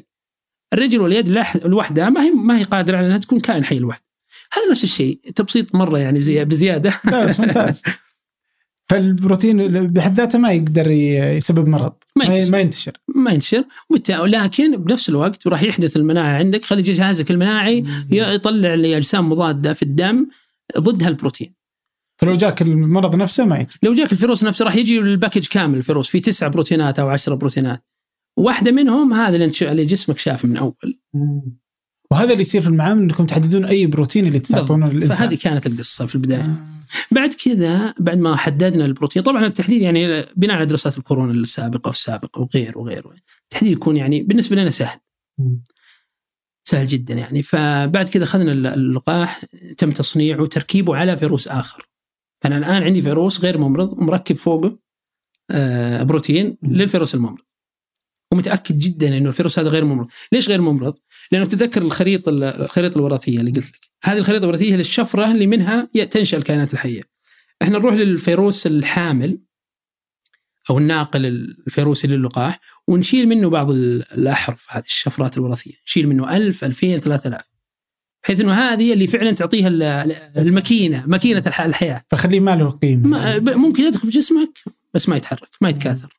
معاق مو معاق حتى غير ما غير يتكاثر. لكنه يساعدك في إنك تبني مناعه من جسمك صح؟ صحيح. ممتاز. فهذا اللي حصل. فالمناعة الآن جاية على على الجزئين أنت صح شلت منه أشياء بحيث إنه هو ما ممرض لكنك أدخلت فيه برضه جزء جايب أنت من الكورونا. مم. فانا عندي فيروس غير ممرض ومدخل فيه جزئية من فيروس الكورونا اللي هي البروتين اللي قلنا عليه. آه الآن بدأت الدراسات ال- ال- بعد كذا حيوانات المعمل تجارب حيوانات المعمل. وأنا كنت ال- ال- ال leading أو القائد فيها مع ال team طبعا. وش تجارب المعمل وش كانت؟ تجارب المعمل إنك آه، جيب مجموعة فئران مثلا وتبدا تجرب عليهم أعطيهم اللقاح أعطيهم جرعة مختلفة من اللقاح. آه، هذا اللقاح جرعة ألف كم راح تعطيني آه، مناعة؟ جرعة باء راح تعطيني مناعة أكثر. جرعة جيم راح تعطيني مناعة مثلا هل بعطيه بالعضل ولا بالوريد ولا بالغشاء البريتوني في البطن ولا تحت الجلد. يعني طيب. فكل هذه الدراسات كانت لي يعني إحنا نسميها optimization أبغى أشوف وش أفضل طريقة أطور فيها اللقاح ذا ممتاز. في في في حيوانات الفئران يوم جربته إيش صار؟ مثلا على أول واحد ضبطت من من الفار الأول؟ إي من أول مرة انه في في اجسام في مناعة تحدث في الفئران. عا- فعلا يعني ممكن يعني مثلا قلنا إنه مثلا إنكم تجيبون ماعز بتجيب من شلون؟ آه، ما ما يتقبل. وش وش يخلي الفار يتقبل زي الإنسان؟ الف- أنفس- هذه الفئران إي نعم. هذه الفئران آه، طبعا نوعين من الفئران. في نوع أنا بس أبغى أشوف إنه ال- اللقاح اللي عندي يعطيني مناعة. لأنه أي جسم أنت الآن لو حقنت بأي شيء راح يعطي جسمك مناعة. okay؟ فأي جسم راح تعطيه جسم غريب راح يحدث له مناعة. فإحنا نبغى ندرس في الفئران الطبيعية. إحنا عارفين انه ما يجيها المرض. الفئران. بس إحنا نبغى نشوف هل هو يحدث مناعة ولا ما يحدث مناعة. هذه النقطة الأولى. بعد كذا في نوع ثاني من الفئران معدلة وراثيا يسمونها هيومنايز يعني كأنها فئران متحولة فيها جينات إنسانية بحيث إنها ممكن يصير فيها المرض. هذه تعديل وراثي. تعديل وراثي لأجل ال- ال- اي الاختبارات. أنا أروح أعدل الفئران وراثيا إلى ما يكون تحمل المرض زي ما يحمله الإنسان داخل فيها جينات إنسانية. جيب الفئران مرة ثانية وأعطيها اللقاح الآن وبعد كذا راح تم... بعدين أعطيها الفيروس الفيروس نفسه وراح تمرض. اللي ما راح يحميها ال- اللقاح راح تمرض. وهنا قاعد أقيس مدى حماية اللقاح. وهذه كلها تمت التجربتين يعني. هذه القصة. بعد كذا قفلنا موضوع الحيوانات ال... وصلت اللقاح يعني. آه okay. إيه. إحنا من من من تجارب المعمل عارفين اللقاح. في الفئران الان وصلنا اللقاح. بعد كذا استمرينا في السعودية. لما رجعنا في طيب السعوديه معلش الحين إنكم عرفتوا اللقاح في المعمل كم أخذ وقت؟ أم، إحنا كنا relax شوي أتذكر في جامعة اوكسفورد يعني ما كان في ما كان في آه، حس الطوارئ زي المصور اللي صاير الآن. كنا شوي relax أتوقع قاعد أربع شهور أو خمسة شهور. آه أربع شهور إلى إنكم عرفتوا إنه هذا اي اللقاح بس أنت سنة تتكلم معملي. أي. اي بعدين كم أخذتوا جربتوا على الفئران؟ فئران؟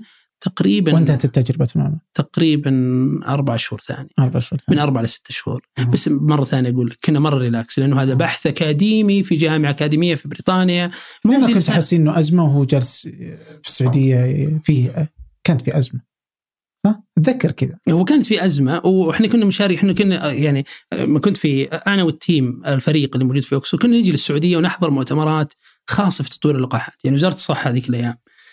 كانوا يعقدون مؤتمرات للبحث. لأنهم في فعلا كان في حاجة أنت بلد يعني المشكلة كانت عندك فيجيبوا يعني صراحة كان جهد جبار يعني يجيبوا كل الناس اللي يطوروا اللقاحات في العالم والناس اللي ممكن يطوروا اللقاحات داخل السعودية حتى الباحثين الأكاديميين من الجامعات السعودية للإبل والانسان يعني للناس اللي شغالين في كليات الطب البيطري والناس اللي شغالين في كلية العلوم والمختبرات والطب.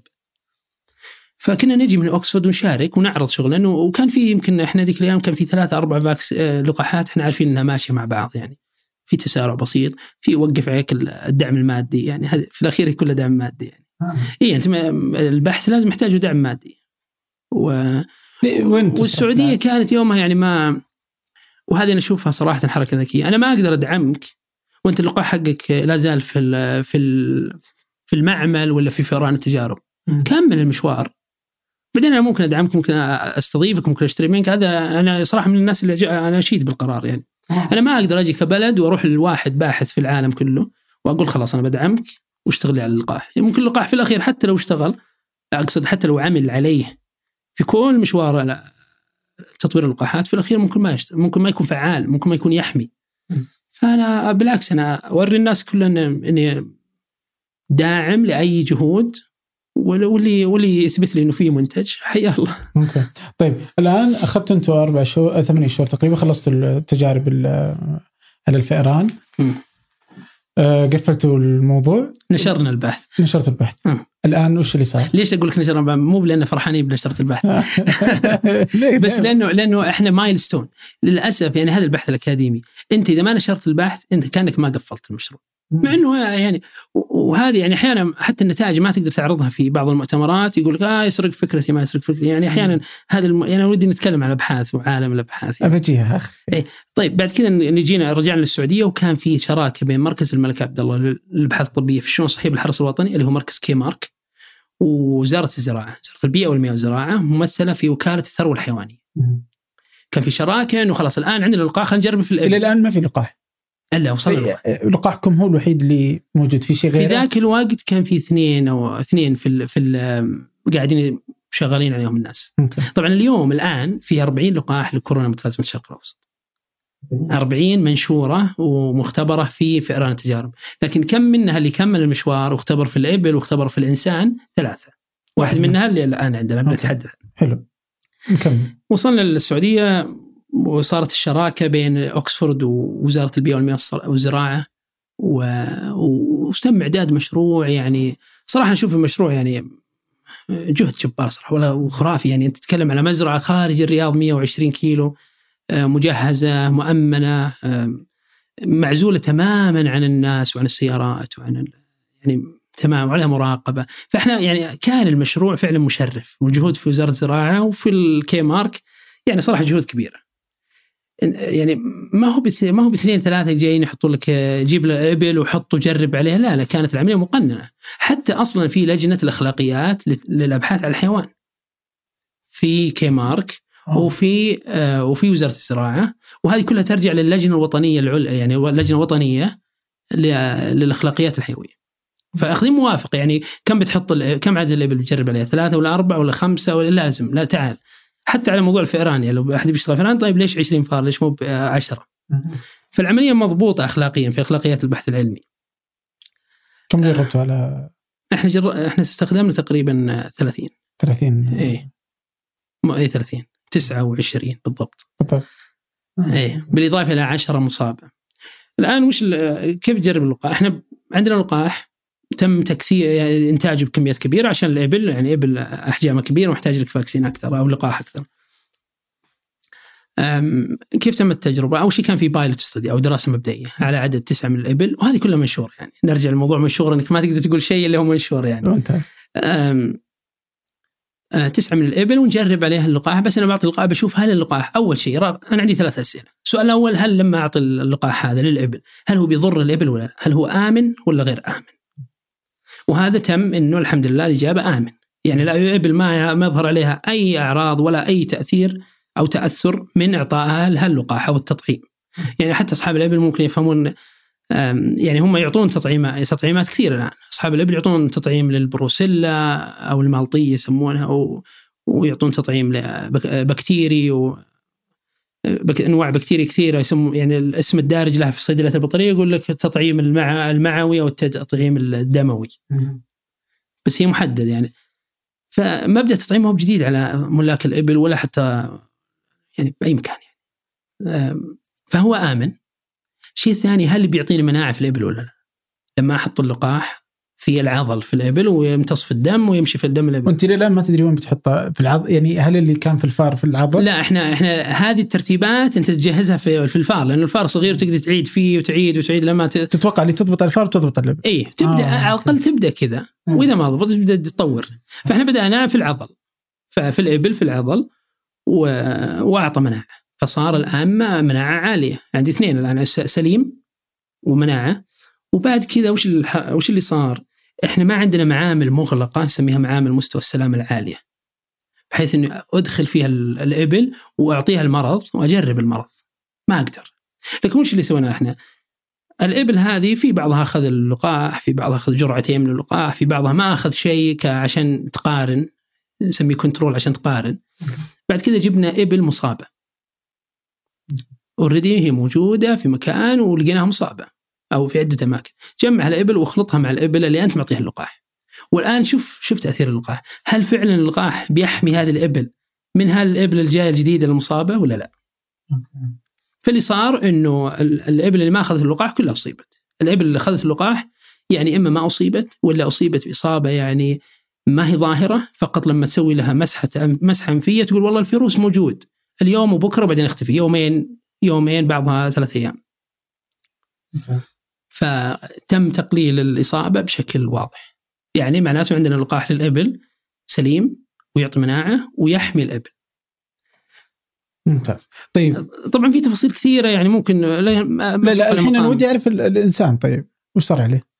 ما له لقاح؟ لا هذا اللقاح نفسه آه طور آه طور في في pathway أو في طريق مخصص جدا للقاحات في الإنسان، يعني التصنيع مختلف، الجودة، المعايير، التعقيم إلى أن تم إنتاجه. الآن موجود انتج أنتج في المصنع في جامعة اوكسفورد بشراكة يعني الآن انتهينا من الأبل برضو استمرت الشراكة بين مركز الملك عبد الله وجامعة اوكسفورد. سويتوا للإنسان و...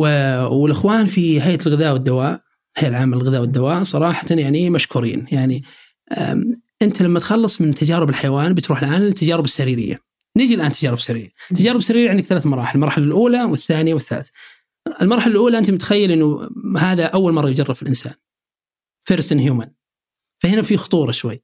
غالبا بعض الأدوية الأدوية موجودة الآن تتطور في كل دقيقة في, في كل العالم يعني تصير هالدراسات دي برا السعودية. وزارة هيئة الغذاء والدواء يعني مشكورين صراحة بدأوا معنا قالوا إن أحنا أساسا عندنا توجهات إنه نبدأ المرحلة الأولية وإحنا قدمنا مثل مثل غيرهم يعني. إحنا كلاينت يعني في الأخير. ف يعني مرينا بتجربة ما هي سهلة صراحة مع هيئة الغذاء والدواء وأنا مبسوط إنها ما هي بسهلة. لأنه إذا هي سهلة فهي مخيفة. لا الإخوان في هيئة الغذاء والدواء كانوا صارمين. يعني كل كلمة تكتبها وكل دوكومنت كل وثيقة إنتاج اللقاح كيف أنتج؟ وين أنتج؟ في المعامل. لما جيت تنتج اللقاح من اللي أنتجه؟ وش المواد اللي استخدمت؟ وش تاريخ نبغى شهادات تصنيع المواد اللي استخدمت أثناء تركيب اللقاح في ال في ال يعني قصة طويلة جدا وفي الأخير يعني جاء الموافقة. كم أخذت الفترة؟ ما, ما, ما نبغى أقول يعني لأنها مهما أخذت طويله ولا قصيرة أنا أشوف إنها طبيعية. ماشي بس خلينا الطبيعي كم؟ أنت تتكلم على أول دراسة سريرية في المملكة العربية السعودية. هذه الأولى في تاريخ البلد. آه فأخذت تقريبا 11 شهر. أوكي. إيه ممتاز أنا أشوف طبيعي بالعكس أنا أقول كثر خيرهم ممتاز لا إيه. عادي إيه فهذه أول دراسة. لما نقول دراسة سريرية ذات المرحلة الأولى معناته إنه في شيء يطور واختبر في الحيوان والآن اختبر في الإنسان. أو تم دراسته. جربتوا على ناس هنا إيه. سعوديين؟ الآن بدينا إحنا في ديسمبر صار لنا الآن ثلاث شهور. ثلاثة أشهر. بدأنا. وكان في البداية إحنا متخوفين أنا بجي الآن عندي لقاح. وكل ال profile حقه الملفات كاملة والنتائج وإنه آمن وإنه هل هل الناس بيتطوعون ولا لا؟ هل هم بيشاركون ولا لا؟ أنا الآن أبحث على ناس أصحاء ما هم مرضى okay علشان بس نجرب هل اللقاح على الناس الأصحاء ما يسوي أي اعتلالات أخرى وإنه طبيعي. فيعني كنا متخوف هل الشعب السعودي بي يعني أنت لو تقول زملائك مثلا تعالوا مثلا في في دراسة لقاح جديد تعالوا ناخذ اللقاح ونشوف اي ونشوف. هل مبدأ مبدأ يتطوع بجسدي عرفت؟ إيه مخيف يعني. مبدأ شوي صعب يعني. بس ما شاء الله تبارك الله يعني كان في إقبال والناس جت وشباب وبنات سعوديين وال educated يعني. يجيك الواحد عارف هو أصلا فاهم يعني العملية وفاهم مبدأ تطوير الأدوية ومبدأ الدراسات السريرية وبعضهم يقرأ. طبعا ما في شيء يعني هذه كامل له كامل الأحقية إنه يشارك ولا ما يشارك ولا ينسحب نفسه في آخر لحظة. والأمور كلها يعني anonymous يعني هو يبقى مجهول يعني ما حد يعرف عنه ولا أحد يعرف اسمه ولا أحد يعرف. وش الدوافع؟ أنا إنه بس يبغى إحنا نسميهم متطوعين. إحنا نسميهم متطوعين. آه وأنا أشوف إن هذا أفضل اسم لهم لأنه آه أنت ما تستخدم الناس للتجارب لا. هذا تطوع أنا أتطوع لدعم البحث العلمي. يعني لما أقول لك لو تطور إحنا محتاجين 24 مثلا. لو جونا 24 وسوينا عليهم الدراسة مثلا والأمور تمام مثلا. بعد كذا أنت ممكن تروح المرحله الثانية، المرحلة الثانية أنا ما راح أدرس فقط هل اللقاح سليم ولا مو سليم، لا راح أدرس اللقاح في الناس اللي من المحتمل إنه يجيهم المرض، يعني تعطيه للناس اللي حوالين الإبل، الناس اللي حوالين العناية المركزة والطوارئ اللي ممكن يتعاملوا مع مرضى وينتقل لهم المرض. فاعطيه اللقاح وأقيس المناعة عنده فترة طويلة وشوف هل هل هو أصيب وتعافى أو أصيب وحمي من المرض ولا لا. وضحت يعني أنا حاسس واضح اليوم ما في ولا لقاح للإنسان.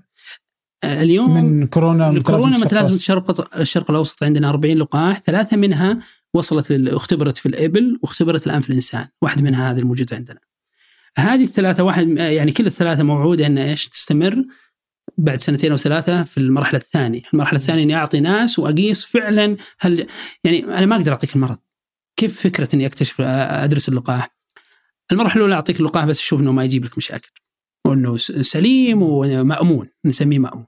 المرحلة الثانية أعطي اللقاح للناس اللي من المحتمل إنهم يأخذون المرض أو يجيهم المرض، ناس يعني يتعاملون مثلا الممارسين الصحيين اللي يتعاملون مع مرض الكورونا هذا احتمال يجي انتقاد الناس اللي عنده قريب أو في البيت نفسه مريض بالكورونا يأخذ لقاح ونشوف هل انتقل لك ولا ما انتقل. وزي ما بتجيب مثلا 100 أو 200 تعطيهم لقاح بتجيب لك 100 أو 200 تعطيهم إحنا نسميه محلول. محلول ما في شيء. بس عشان تشوف هذول الكنترول. لو الناس اللي بس أخذوا محلول أصيب منهم عشرة. والناس اللي أخذوا اللقاح أصيب منهم واحد. معناته أنت عندك 90% انه إنه اللقاح إنه اللقاح فعال. كذا المبدأ يعني. فتصير المرحلة الثالثة إنكم تعطون اللقاح. المرحلة الثالثة هي قريبه من المرحله الثانية بس بشكل أكبر يعني العدد ضخم جدا. وبعد كذا خلاص تقول أنا عندي لقاح. بس ما ما, ما تحطون مرض لا في المراحل كلها. في كل المراحل ما تحط مرض آه. وهذه هذه أنا يعني اليوم يعني في أنا عارف إنه في كلامي ذا ممكن يفهم غلط أصلا إنه نجرب ولا لا هي الموضوع في شيء يسمونه ال ring زي الخاتم. وش ال ring؟ سووه في إيبولا. إيبولا آه، في أفريقيا في بلدان موبوءة. وعندنا لقاح أو في ناس عندهم لقاح آه، تجريبي. دراسة يعني خلصوا المرحلة الأولى. كيف شوف المريض. إذا لقيت واحد مريض في الايبولا اليوم أروح أطعم العشرة اللي حوله. زي الرينج دائرة. وأعطيهم اللقاح. فأشوف يعني آه، أشوف واحد مريض ثاني أعطي العشرة اللي حوله آه، محلول. مثلا ما ما في إذا نشوف نسبة نسبة الناس اللي تم حمايتهم.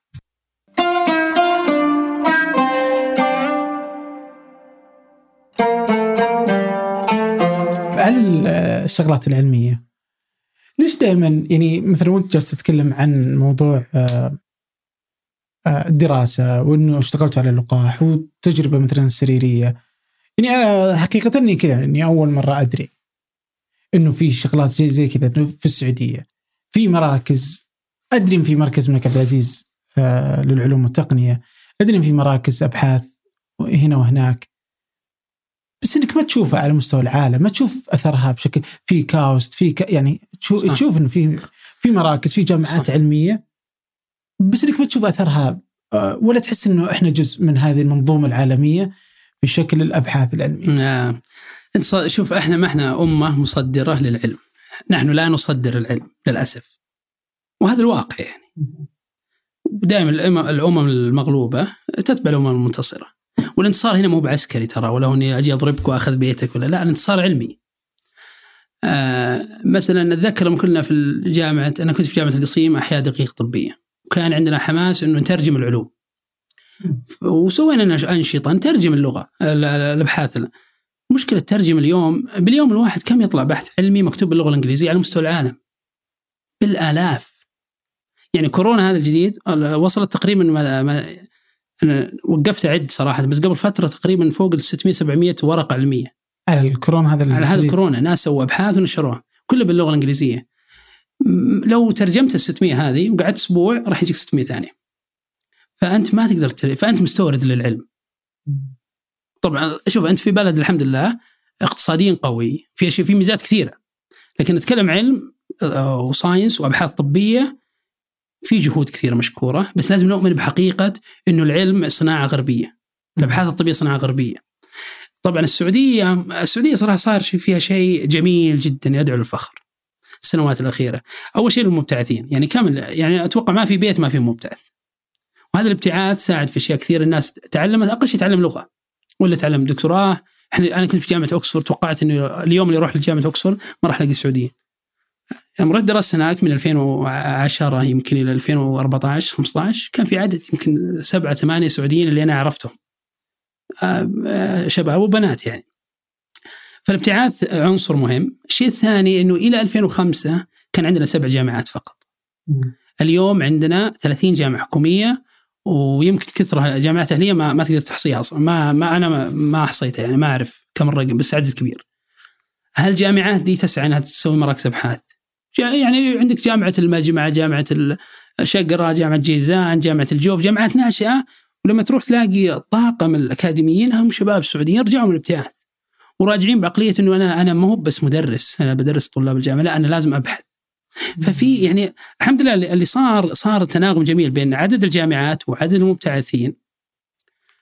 نجي بعد كذا اللي هو التجهيزات وال التجهيزات والتحفيز والدعم المالي.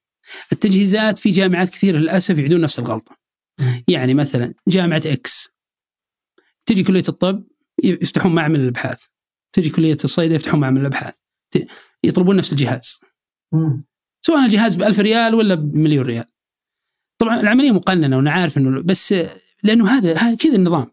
مو ما أقول لك إنه أحد مخطئ ولا أحد متعمد بس كذا النظام. خلاص أنا في كلية مستقل ونطلب ونبدأ ابحث فالتجهيزات يعني صار لها شيء زي ال dilution يعني ما هي كيف أقول لك يعني not utilized ما هي ما هي مستخدمة بشكل الأمثل. بالشكل الأمثل yes آه نجي للدعم المالي، الدعم المالي الآن في بريطانيا مثلا في ويلكم تراست بس هذه الأشياء اللي مي مستغلة. أنا أتكلمك عن مشاكل الأبحاث في السعوديه إيه هذه الأماكن اللي مش مستغلة. هل هي مجهزة بأفضل التجهيزات يعني؟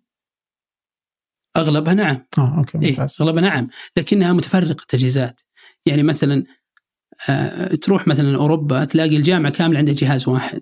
تيجي عندنا في جامعاتنا تلاقي نفس الجهاز موجود منه أربعة ولا خمسة. الجهاز غالي ومدري ومهم وصيانته صعبة. ليش؟ لأن هذا يطلب وهذا يطلب وهذا. آه. يعني ما في نظام واضح لل, لل... إنهم يتشاركوا أنا حسيت إنه عدم التشارك وإن كل واحد يطلب إنه بيخلي الجودة ما هي بأفضل شيء مثلا بس المتوسط أنت كم مرة تستخدم المايك ذا؟ مثلا مرة في, الشا... في الأسبوع. لو جارك مثلا عنده آه، بودكاست المفروض وأنتم كلكم في منظمة. إحنا مثلا عندنا سبع إحنا عندنا سبع بودكاستات okay, okay. ثمانيه وكلنا نستخدم نفس المايكات. إيش رأيك؟ في يعني مثلا في استغلال في استغلال في كفاءة هنا إيه؟ لكن تخيل إنه أنتم ست شركات وكل واحد فاتح وكل واحد جايب معدات. يعني آه. طيب وش الغرض يعني؟ ف يعني أقصد إنه ما في ما في استغلال أمثل للموارد من ناحية التجهيز من الكفاءة. ممتاز. نجي للكفاءات. الشباب رجعوا والباقي المادي. أبغى آه. الدعم المادي. الدعم المادي في بريطانيا مثلا عندك الويلكم تراست شخص اسمه ويل صمبدي كذا ويلكم توفى من 100 سنة وترك ثروته للاستثمار خيري وقف خيري. وصارت تدعم الأبحاث ملايين اليورو اليورو والجنيه الاسترليني أمريكا عندهم الان ويدعم من الحكومة. في دعم مستمر. عندنا في مدينة الملك عبد العزيز تدعم بس هل هو هي الدعم الوحيد إلى إلى فترة قريبة. الآن وزارة التعليم بدأت تدعم آه وزارة الصحة تدعم أحيانا بأشياء بسيطة. أنت لما تبغى بحث معناته ملايين تصرف ومن هالملايين ما يطلع إلا يعني جزء بسيط هو اللي فعلا فعلا ينعكس. اي يعني, يعني هنا ممكن ممكن تصرف 10 لنفرض مبلغ بسيط 10 مليون. من ال 10 مليون ممكن يطلع لك طبعا راح تطلع تخرج أبحاث منشورة بس ممكن يطلع من هال 10 مليون شيء بسيط آه كمنتج أو تغيير وش الغرض من الأبحاث؟ إما تطلع لي منتج طبي أو دواء أو لقاح أو تشخيص أو تغير في السياسات ال- السياسات الصحيه، لما يجيك مريض مثلا في القلب عنده كذا كذا كذا. والسياسة تقول إنك تعطيه الدواء الفلاني إذا ما استجاب تعطيه كذا، سياسة ماشيين عليها ال- الاستشاريين العالم كله آه. إيه العالم كله. بس أنا ممكن عندي مرضى عندي عندهم أشياء مختلفة. جينيا وراثيا. محتاج أسوي دراسات واغير السياسة هذه بناء على اللوكل كبس اللوكل نيد حقي. وهذا لا ينط... بس لا ينحصر على برضو الطب. يعني في برضو في المجالات الثانية كل يعني مثلا في التقنية في المدري إيش زي كذا. في دكاترة في كل المجالات في, ال- في الاجتماع. إي بس أتكلم- يحتاجون أبحاث. صح. إيه، وأحس إنه كلكم تشاركون نفس نفس المشكلة. نجي لنقطة مهمة ثا- ثالثة. اللي هو آه الكفاءات لا آه، الكفاءات موجودة لكن وش اللي يصير؟ آه، يجيك كفاءة مثلا من أفضل جامعات العالم ويجيك واحد ثاني يجون في نفس القسم اثنين واحد يسوي الأبحاث واحد ما يسوي أبحاث ما تفرق أو ما في محفزات ما في محفزات يعني أو في محفزات بس ما هي مذكورة أو تتأخر أو يعني وش اللي صاير بالغرب؟ اللي صاير بالغرب إنه الباحث أصلا وظيفته ما هي ثابتة. أنت تجي اليوم قدم على منحة بحثية، تجيك المنحة البحثية جزء منها راتبك. والله لا يهينك اشتغل وطلع لنا نتائج. بتحرق دم بتع- بتحرق عمرك انت صح ولا لا؟ عشان تخرج بنتائج. النتائج هذه راح تساعدك إنك تقدم على منحة أخرى أكبر مبلغ مادي وتعطيك راتبك مدة ثلاث سنوات. رات- الراتب مدة خمس سنوات، فما في job security. وفي innovation يعني إذا تبغى أبحاث يعني وهذا الكلام بيزعل ناس كثير يعني لكن هذا الحقيقة يعني. أنا كيف أجيب واحد وأخليه باحث المفروض إنه يقرأ في الليل ويقرأ في النهار ويفكر ويخترع وهي في الأخير وظيفة يعني راتب ويمشي البيت. طبعا أنا ما أقول وإذا في- ما سويتها ما تفرق. تفرق تفرق بس أنت تقدر تقدر تعطيهم شغل يعني بسيط هذا اللي صاير يعني. هو تفرق لأنه أنت ما تترقب بهالإنتاج العلمي وتفرق كثير. بس أنا أتك... أنت سؤالك كان هل إحنا ننافس العالم أو شيء زي كذا. آه، أنا ممكن أسوي لك بحث على هذا الكاس مثلا. إنه لو غيرنا لونه الأحمر ممكن يفتح شهية. مثلا بحث يعني كلام فاضي. بحث منشور وخلاص وأنا أعطيك البحث. وتعطيني ترقية. بحث ترقية يعني. آه لكن إذا تبغى تنافس العالم لا لازم تكون آه يعني لها تأثير. وفي محفزات تخلي الواحد وفي محفزات خلي يعني فوق فوق إيه محفزات. يعني بعض الناس يقول لك أنا أبغى محفزات إنه يكون عندي وقت أكثر عشان أسوي بحث. ما عند آه، الدكاترة السعودية. نبغى نفك يعني مراكز الأبحاث. الآن عندنا كان مركز الملك فيصل التخصصي في السعودية من سنوات كثيرة. يمكن أتوقع 20 30 سنة. آه، جامعة الملك عبد العزيز عندهم مركز أبحاث. مدينة الملك عبد العزيز للعلوم التقنيه مؤخرا كان في صار في كاوست جدة. في مركز كيمارك في الحرس. بعد كذا الجامعات بدأت تنشئ. مراكز ابحاث يعني جامعه جامعة الأمير نور وغيرها.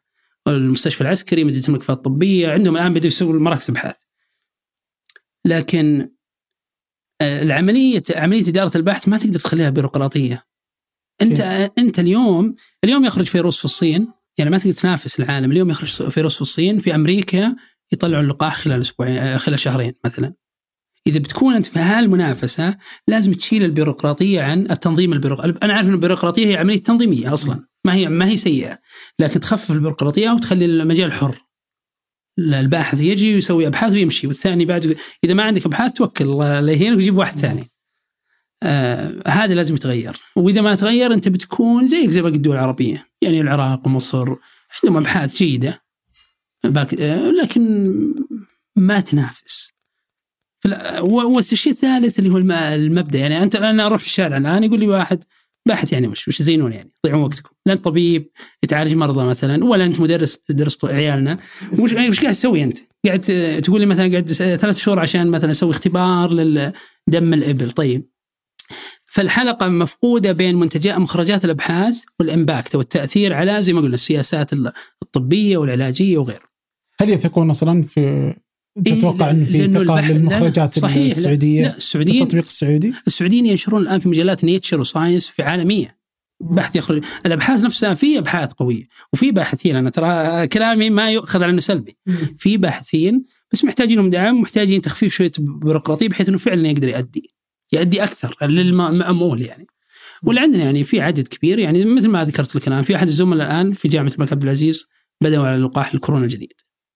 فيه في في عندنا أبحاث كثيرة في مركز الكي مارك على اكتشاف مثلا سلالات الفيروس أو قياس مستوى الاستجابة العلاجية لمرضى الكورونا اللي يأخذون علاج مثلا. أنا أقيسها بشكل دراسي يعني ولقاء وتجربة اللقاء اللي قلناها يعني إحنا دائما لما تكون أنت في في الإدج في الطرف يعني بتكون بتتحمل آه، تعب أكثر بس المفروض إنك تمهد الطريق لغيرك يعني. يعني ماذا لو كان مثلا إنه في جهة هي اللي تشرف على كل إيه؟ الأبحاث يعني إنه شيء مركزي مو موزع الجامعات وكل انه ميزانيته البسيطة. بينما إنها تكون ميزانية. في ناس اقترحوا هيئة ولا وزارة للبحث العلمي. مثلا. بس الخوف هنا إنك أنت تحط زيادة بيروقراطية على الموضوع. آه. يعني أي باحث واحد يسوي بحث على بعوضة اللي تنقل الدنقي أو حمى الضنك في جيزان لازم يرجع الأوراق يأخذ موافقة من الرياض الوزير مثلا ولا. فهنا أنت خليت الموضوع إحنا نبغى الموضوع يكون مقنن بس بنفس الوقت يكون في مساحة للباحث إنه يتحرك أكثر. بس لا ننسى ترى إنه أنت في بلد يعني علميا في البحث العلمي إحنا بيبي ستيبس لا زلنا نحبو يعني. يعني آه، الآن أنشئت اللجنة الوطنية للإخلاقيات الحيوية بحيث إنك ما تسوي بحث بدون ضوابط أخلاقية. واقرار من المشاركين في الدراسة وتوقيع وتوضيح ما له وما عليه يعني.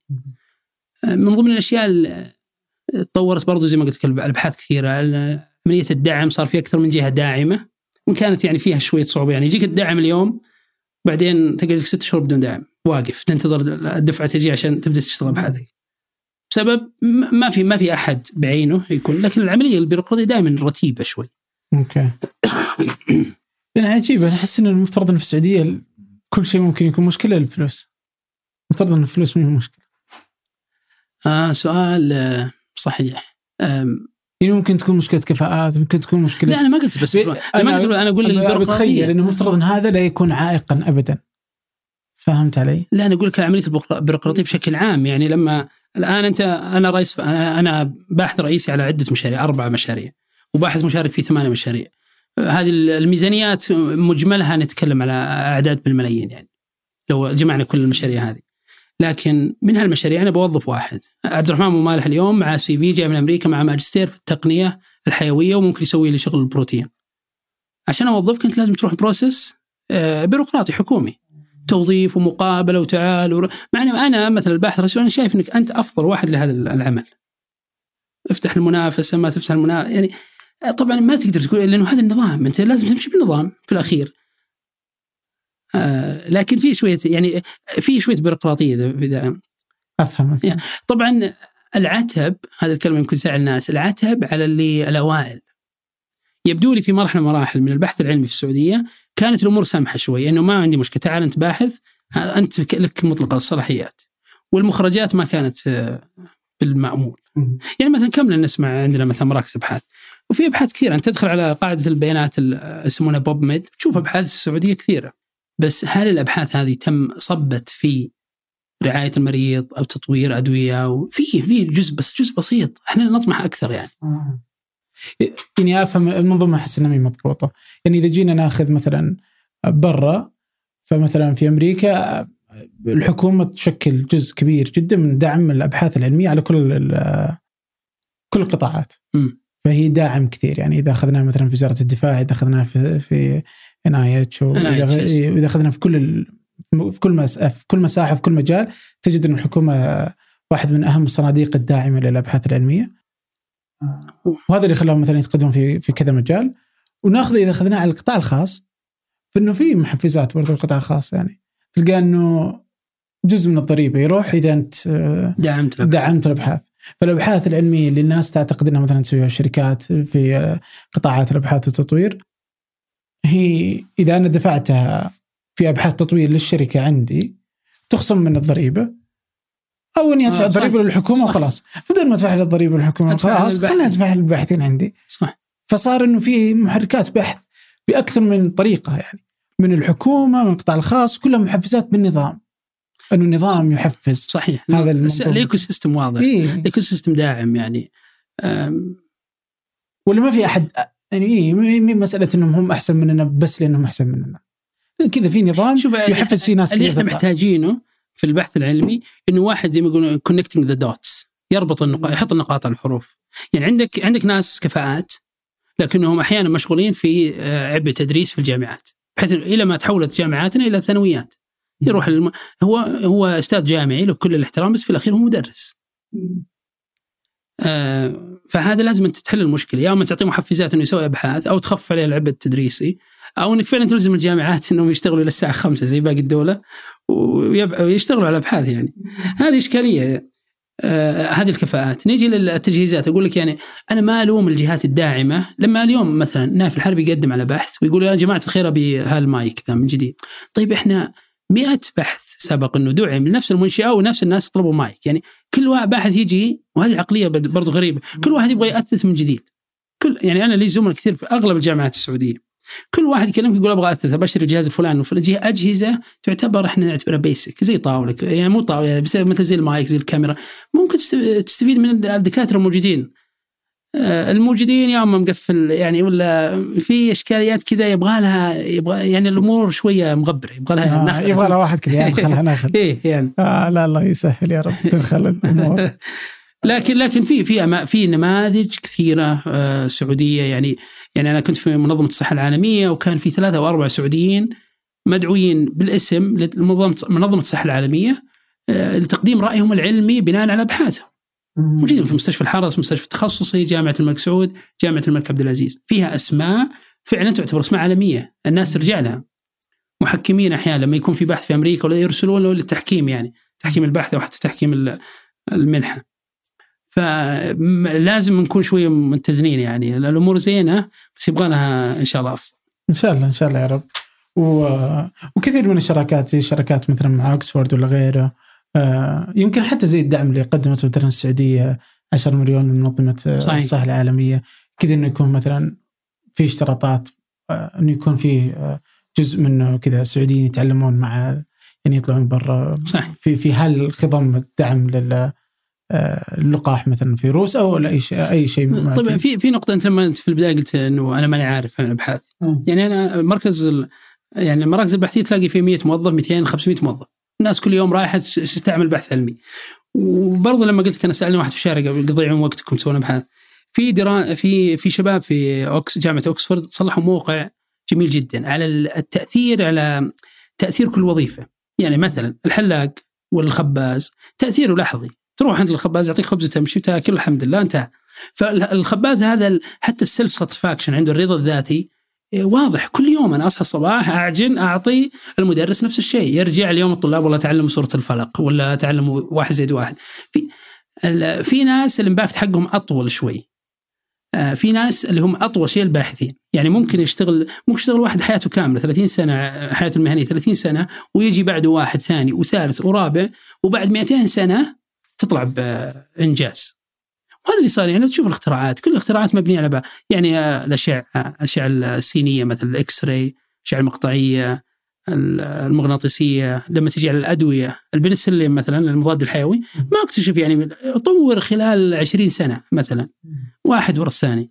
فيعني عشان كذا أنا ما أطالب أنا ما أطالب مثلا الإعلام إنه يجي يسلط الضوء على الباحثين ويقول لهم كل يوم يلا تعالوا نستضيفكم ونصفق لكم مثلا وأنتم أنتم قدوتنا. لا بالعكس.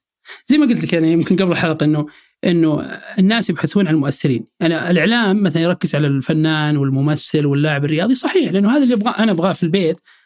ما أبغى أتابع واحد باحث وش سوى اليوم أضافوا عشرة فيران ولا ثلاثة ف- فأر ولا ما تعني. فبرضو آه، موضوع الإعلام لازم نكون شوي آه، منصفين فيه. ما نقدر نسلط الضوء على البحثي بشكل متواصل لأنه العملية أصلا طويلة. ممكن واحد ممكن تلقى واحد يشتغل خمس سنوات في الأخير طلع بمعلومة واحدة. معلومة علمية قوية تفيد العالم. صح. فهو ما هو في الأخير هو ما هو انترتينر هل. فهو ما هو بابليك فيجر وأنا أعتقد إنه ولا عنده نتائج واضحة تقدر تتكلم فيها. اللغة على. طول. اي لا اللغة يعني تاخذ يمكن أربع سنين أو ثلاث سنين تاخذ بحث تجلس تشتغل فيه يمكن تطلع النتيجة خطأ. صح؟ لا وحتى لو يعني ما طلعت ما النتيجة- تطلع بنتيجه يعني ما تطلع بنتيجه تنقال يعني شوف أنا مثلا أقدر أختصر كل مشوارنا وأقول لك عندنا لقاح الكورونا متلازمه الشرق الأوسط، كل التفاصيل أنت ما تهمك وحتى لا- كعامة يعني حتى ولو شرحتها أنا برضو حتى في الأخير تقول لي طيب خلصتم ولا ما خلصتم؟ ما خلصتوا صح ولا لا؟ اي ما خلصت أقول أوه بالله طيب، كل هذا ما خلصت دعواتنا لكم صح. ولا لا؟ فهذا يعني المفروض الم... يعني أنا أشوف حتى موضوع ال fame وال celebrity في موضوع الباحثين والأكاديميين والأطباء وغيره. أشوف إنه المفروض إنه ما صح إنه الواحد ما يعني marketing و networking غير إنه يو تراينج تو بي فيموس. يو كانت يو كانت بي فيموس صح ولا لا؟ وانت وأنت إلا لو بتحول. يعني أنا مثلا مشرف في الماجستير تحول من ما هو عالم فيروسات إلى ما صار آه، هو الصحفي العلمي للبي بي سي. في أي شيء يخص الفيروسات هو اللي يجي يتكلم. فصار الآن media figure وطلع من البحث. طلع من البحث. مم. فهنا الله قوي ما عندي مشكلة. لا لا أتذكر كذا حسام زوايا يعني الحلقة قديمة شوي فما أتذكر كل حاجة. بس أتذكر كان حتى برضه إنه العلماء المشاهير تصيبهم لعنة يعني في الوسط الأكاديمي. طبعا طبعا. وغالبا لما تشوف واحد مشهور وهو عالم آه، أو متخصص معناته هو جيد في تخصصه آه. آه، يعني مع احترامي لكل ال- الناس اللي لكن الناس لازم يفرقون بين ال networking و trying to be celebrity and famous يعني كذا ما بين إنك تكون أنت موجود وتعطي يا زي ما تحط أفكارك. يعني تويتر وبين إنك تكون بس تبحث عن الشهرة لأجل الشهرة. يعني تويتر اليومين هذه صاير تويتر هو ال LinkedIn حقنا السعودية. يعني أنت برا ممكن تحط ال professional profile وال CV وخبراتك تحطها في ال LinkedIn والناس اللي يبونك يوصلون بس في السعودية لو حطيت في ال LinkedIn ما حد شافك. لازم تحط في التويتر علشان تبني علاقات أنت ممكن تفيد وتستفيد يعني. فضاء عام يعني. فعلا. آه الله يعطيك العافية. شكرا جزيلا لك. أنت موجود برضو على تويتر. بحط آه، يعني أغلب الأشياء اللي تكلمنا فيها والمهمة وتكون في وصف الحلقة ومنها برضو حسابك على آه. تويتر. وشكرا والله لقبول الدعوة. العفو وأنا أشكرك صراحة عبد الرحمن. يعني متابعينك من البدايات. في حلقات كذا لا زالت عندي راسخه في الذاكرة ومعجب جدا بالطريقة ال- البودكاست. يعني ال- ال- ال social media new media this is new media فأنا اليوم جايك وأنا فعلا مبسوط إني جاي. الله يسعدك. شكرا جزيلا. شكرا دكتور. شكرا لكم. شكرا لخلف الكاميرات وفي التحرير محمد نادي وفي الإعداد ريما طلال وفي الهندسة الصوتية محمد الحسن. في التنسيق. شكر خاص للدكتور حسام زواوي في الاشراف على إذاعة ثمانية ثمود بن محفوظ. هذا فنجان أحد منتجات شركة ثمانية للنشر والتوزيع. في الأسبوع المقبل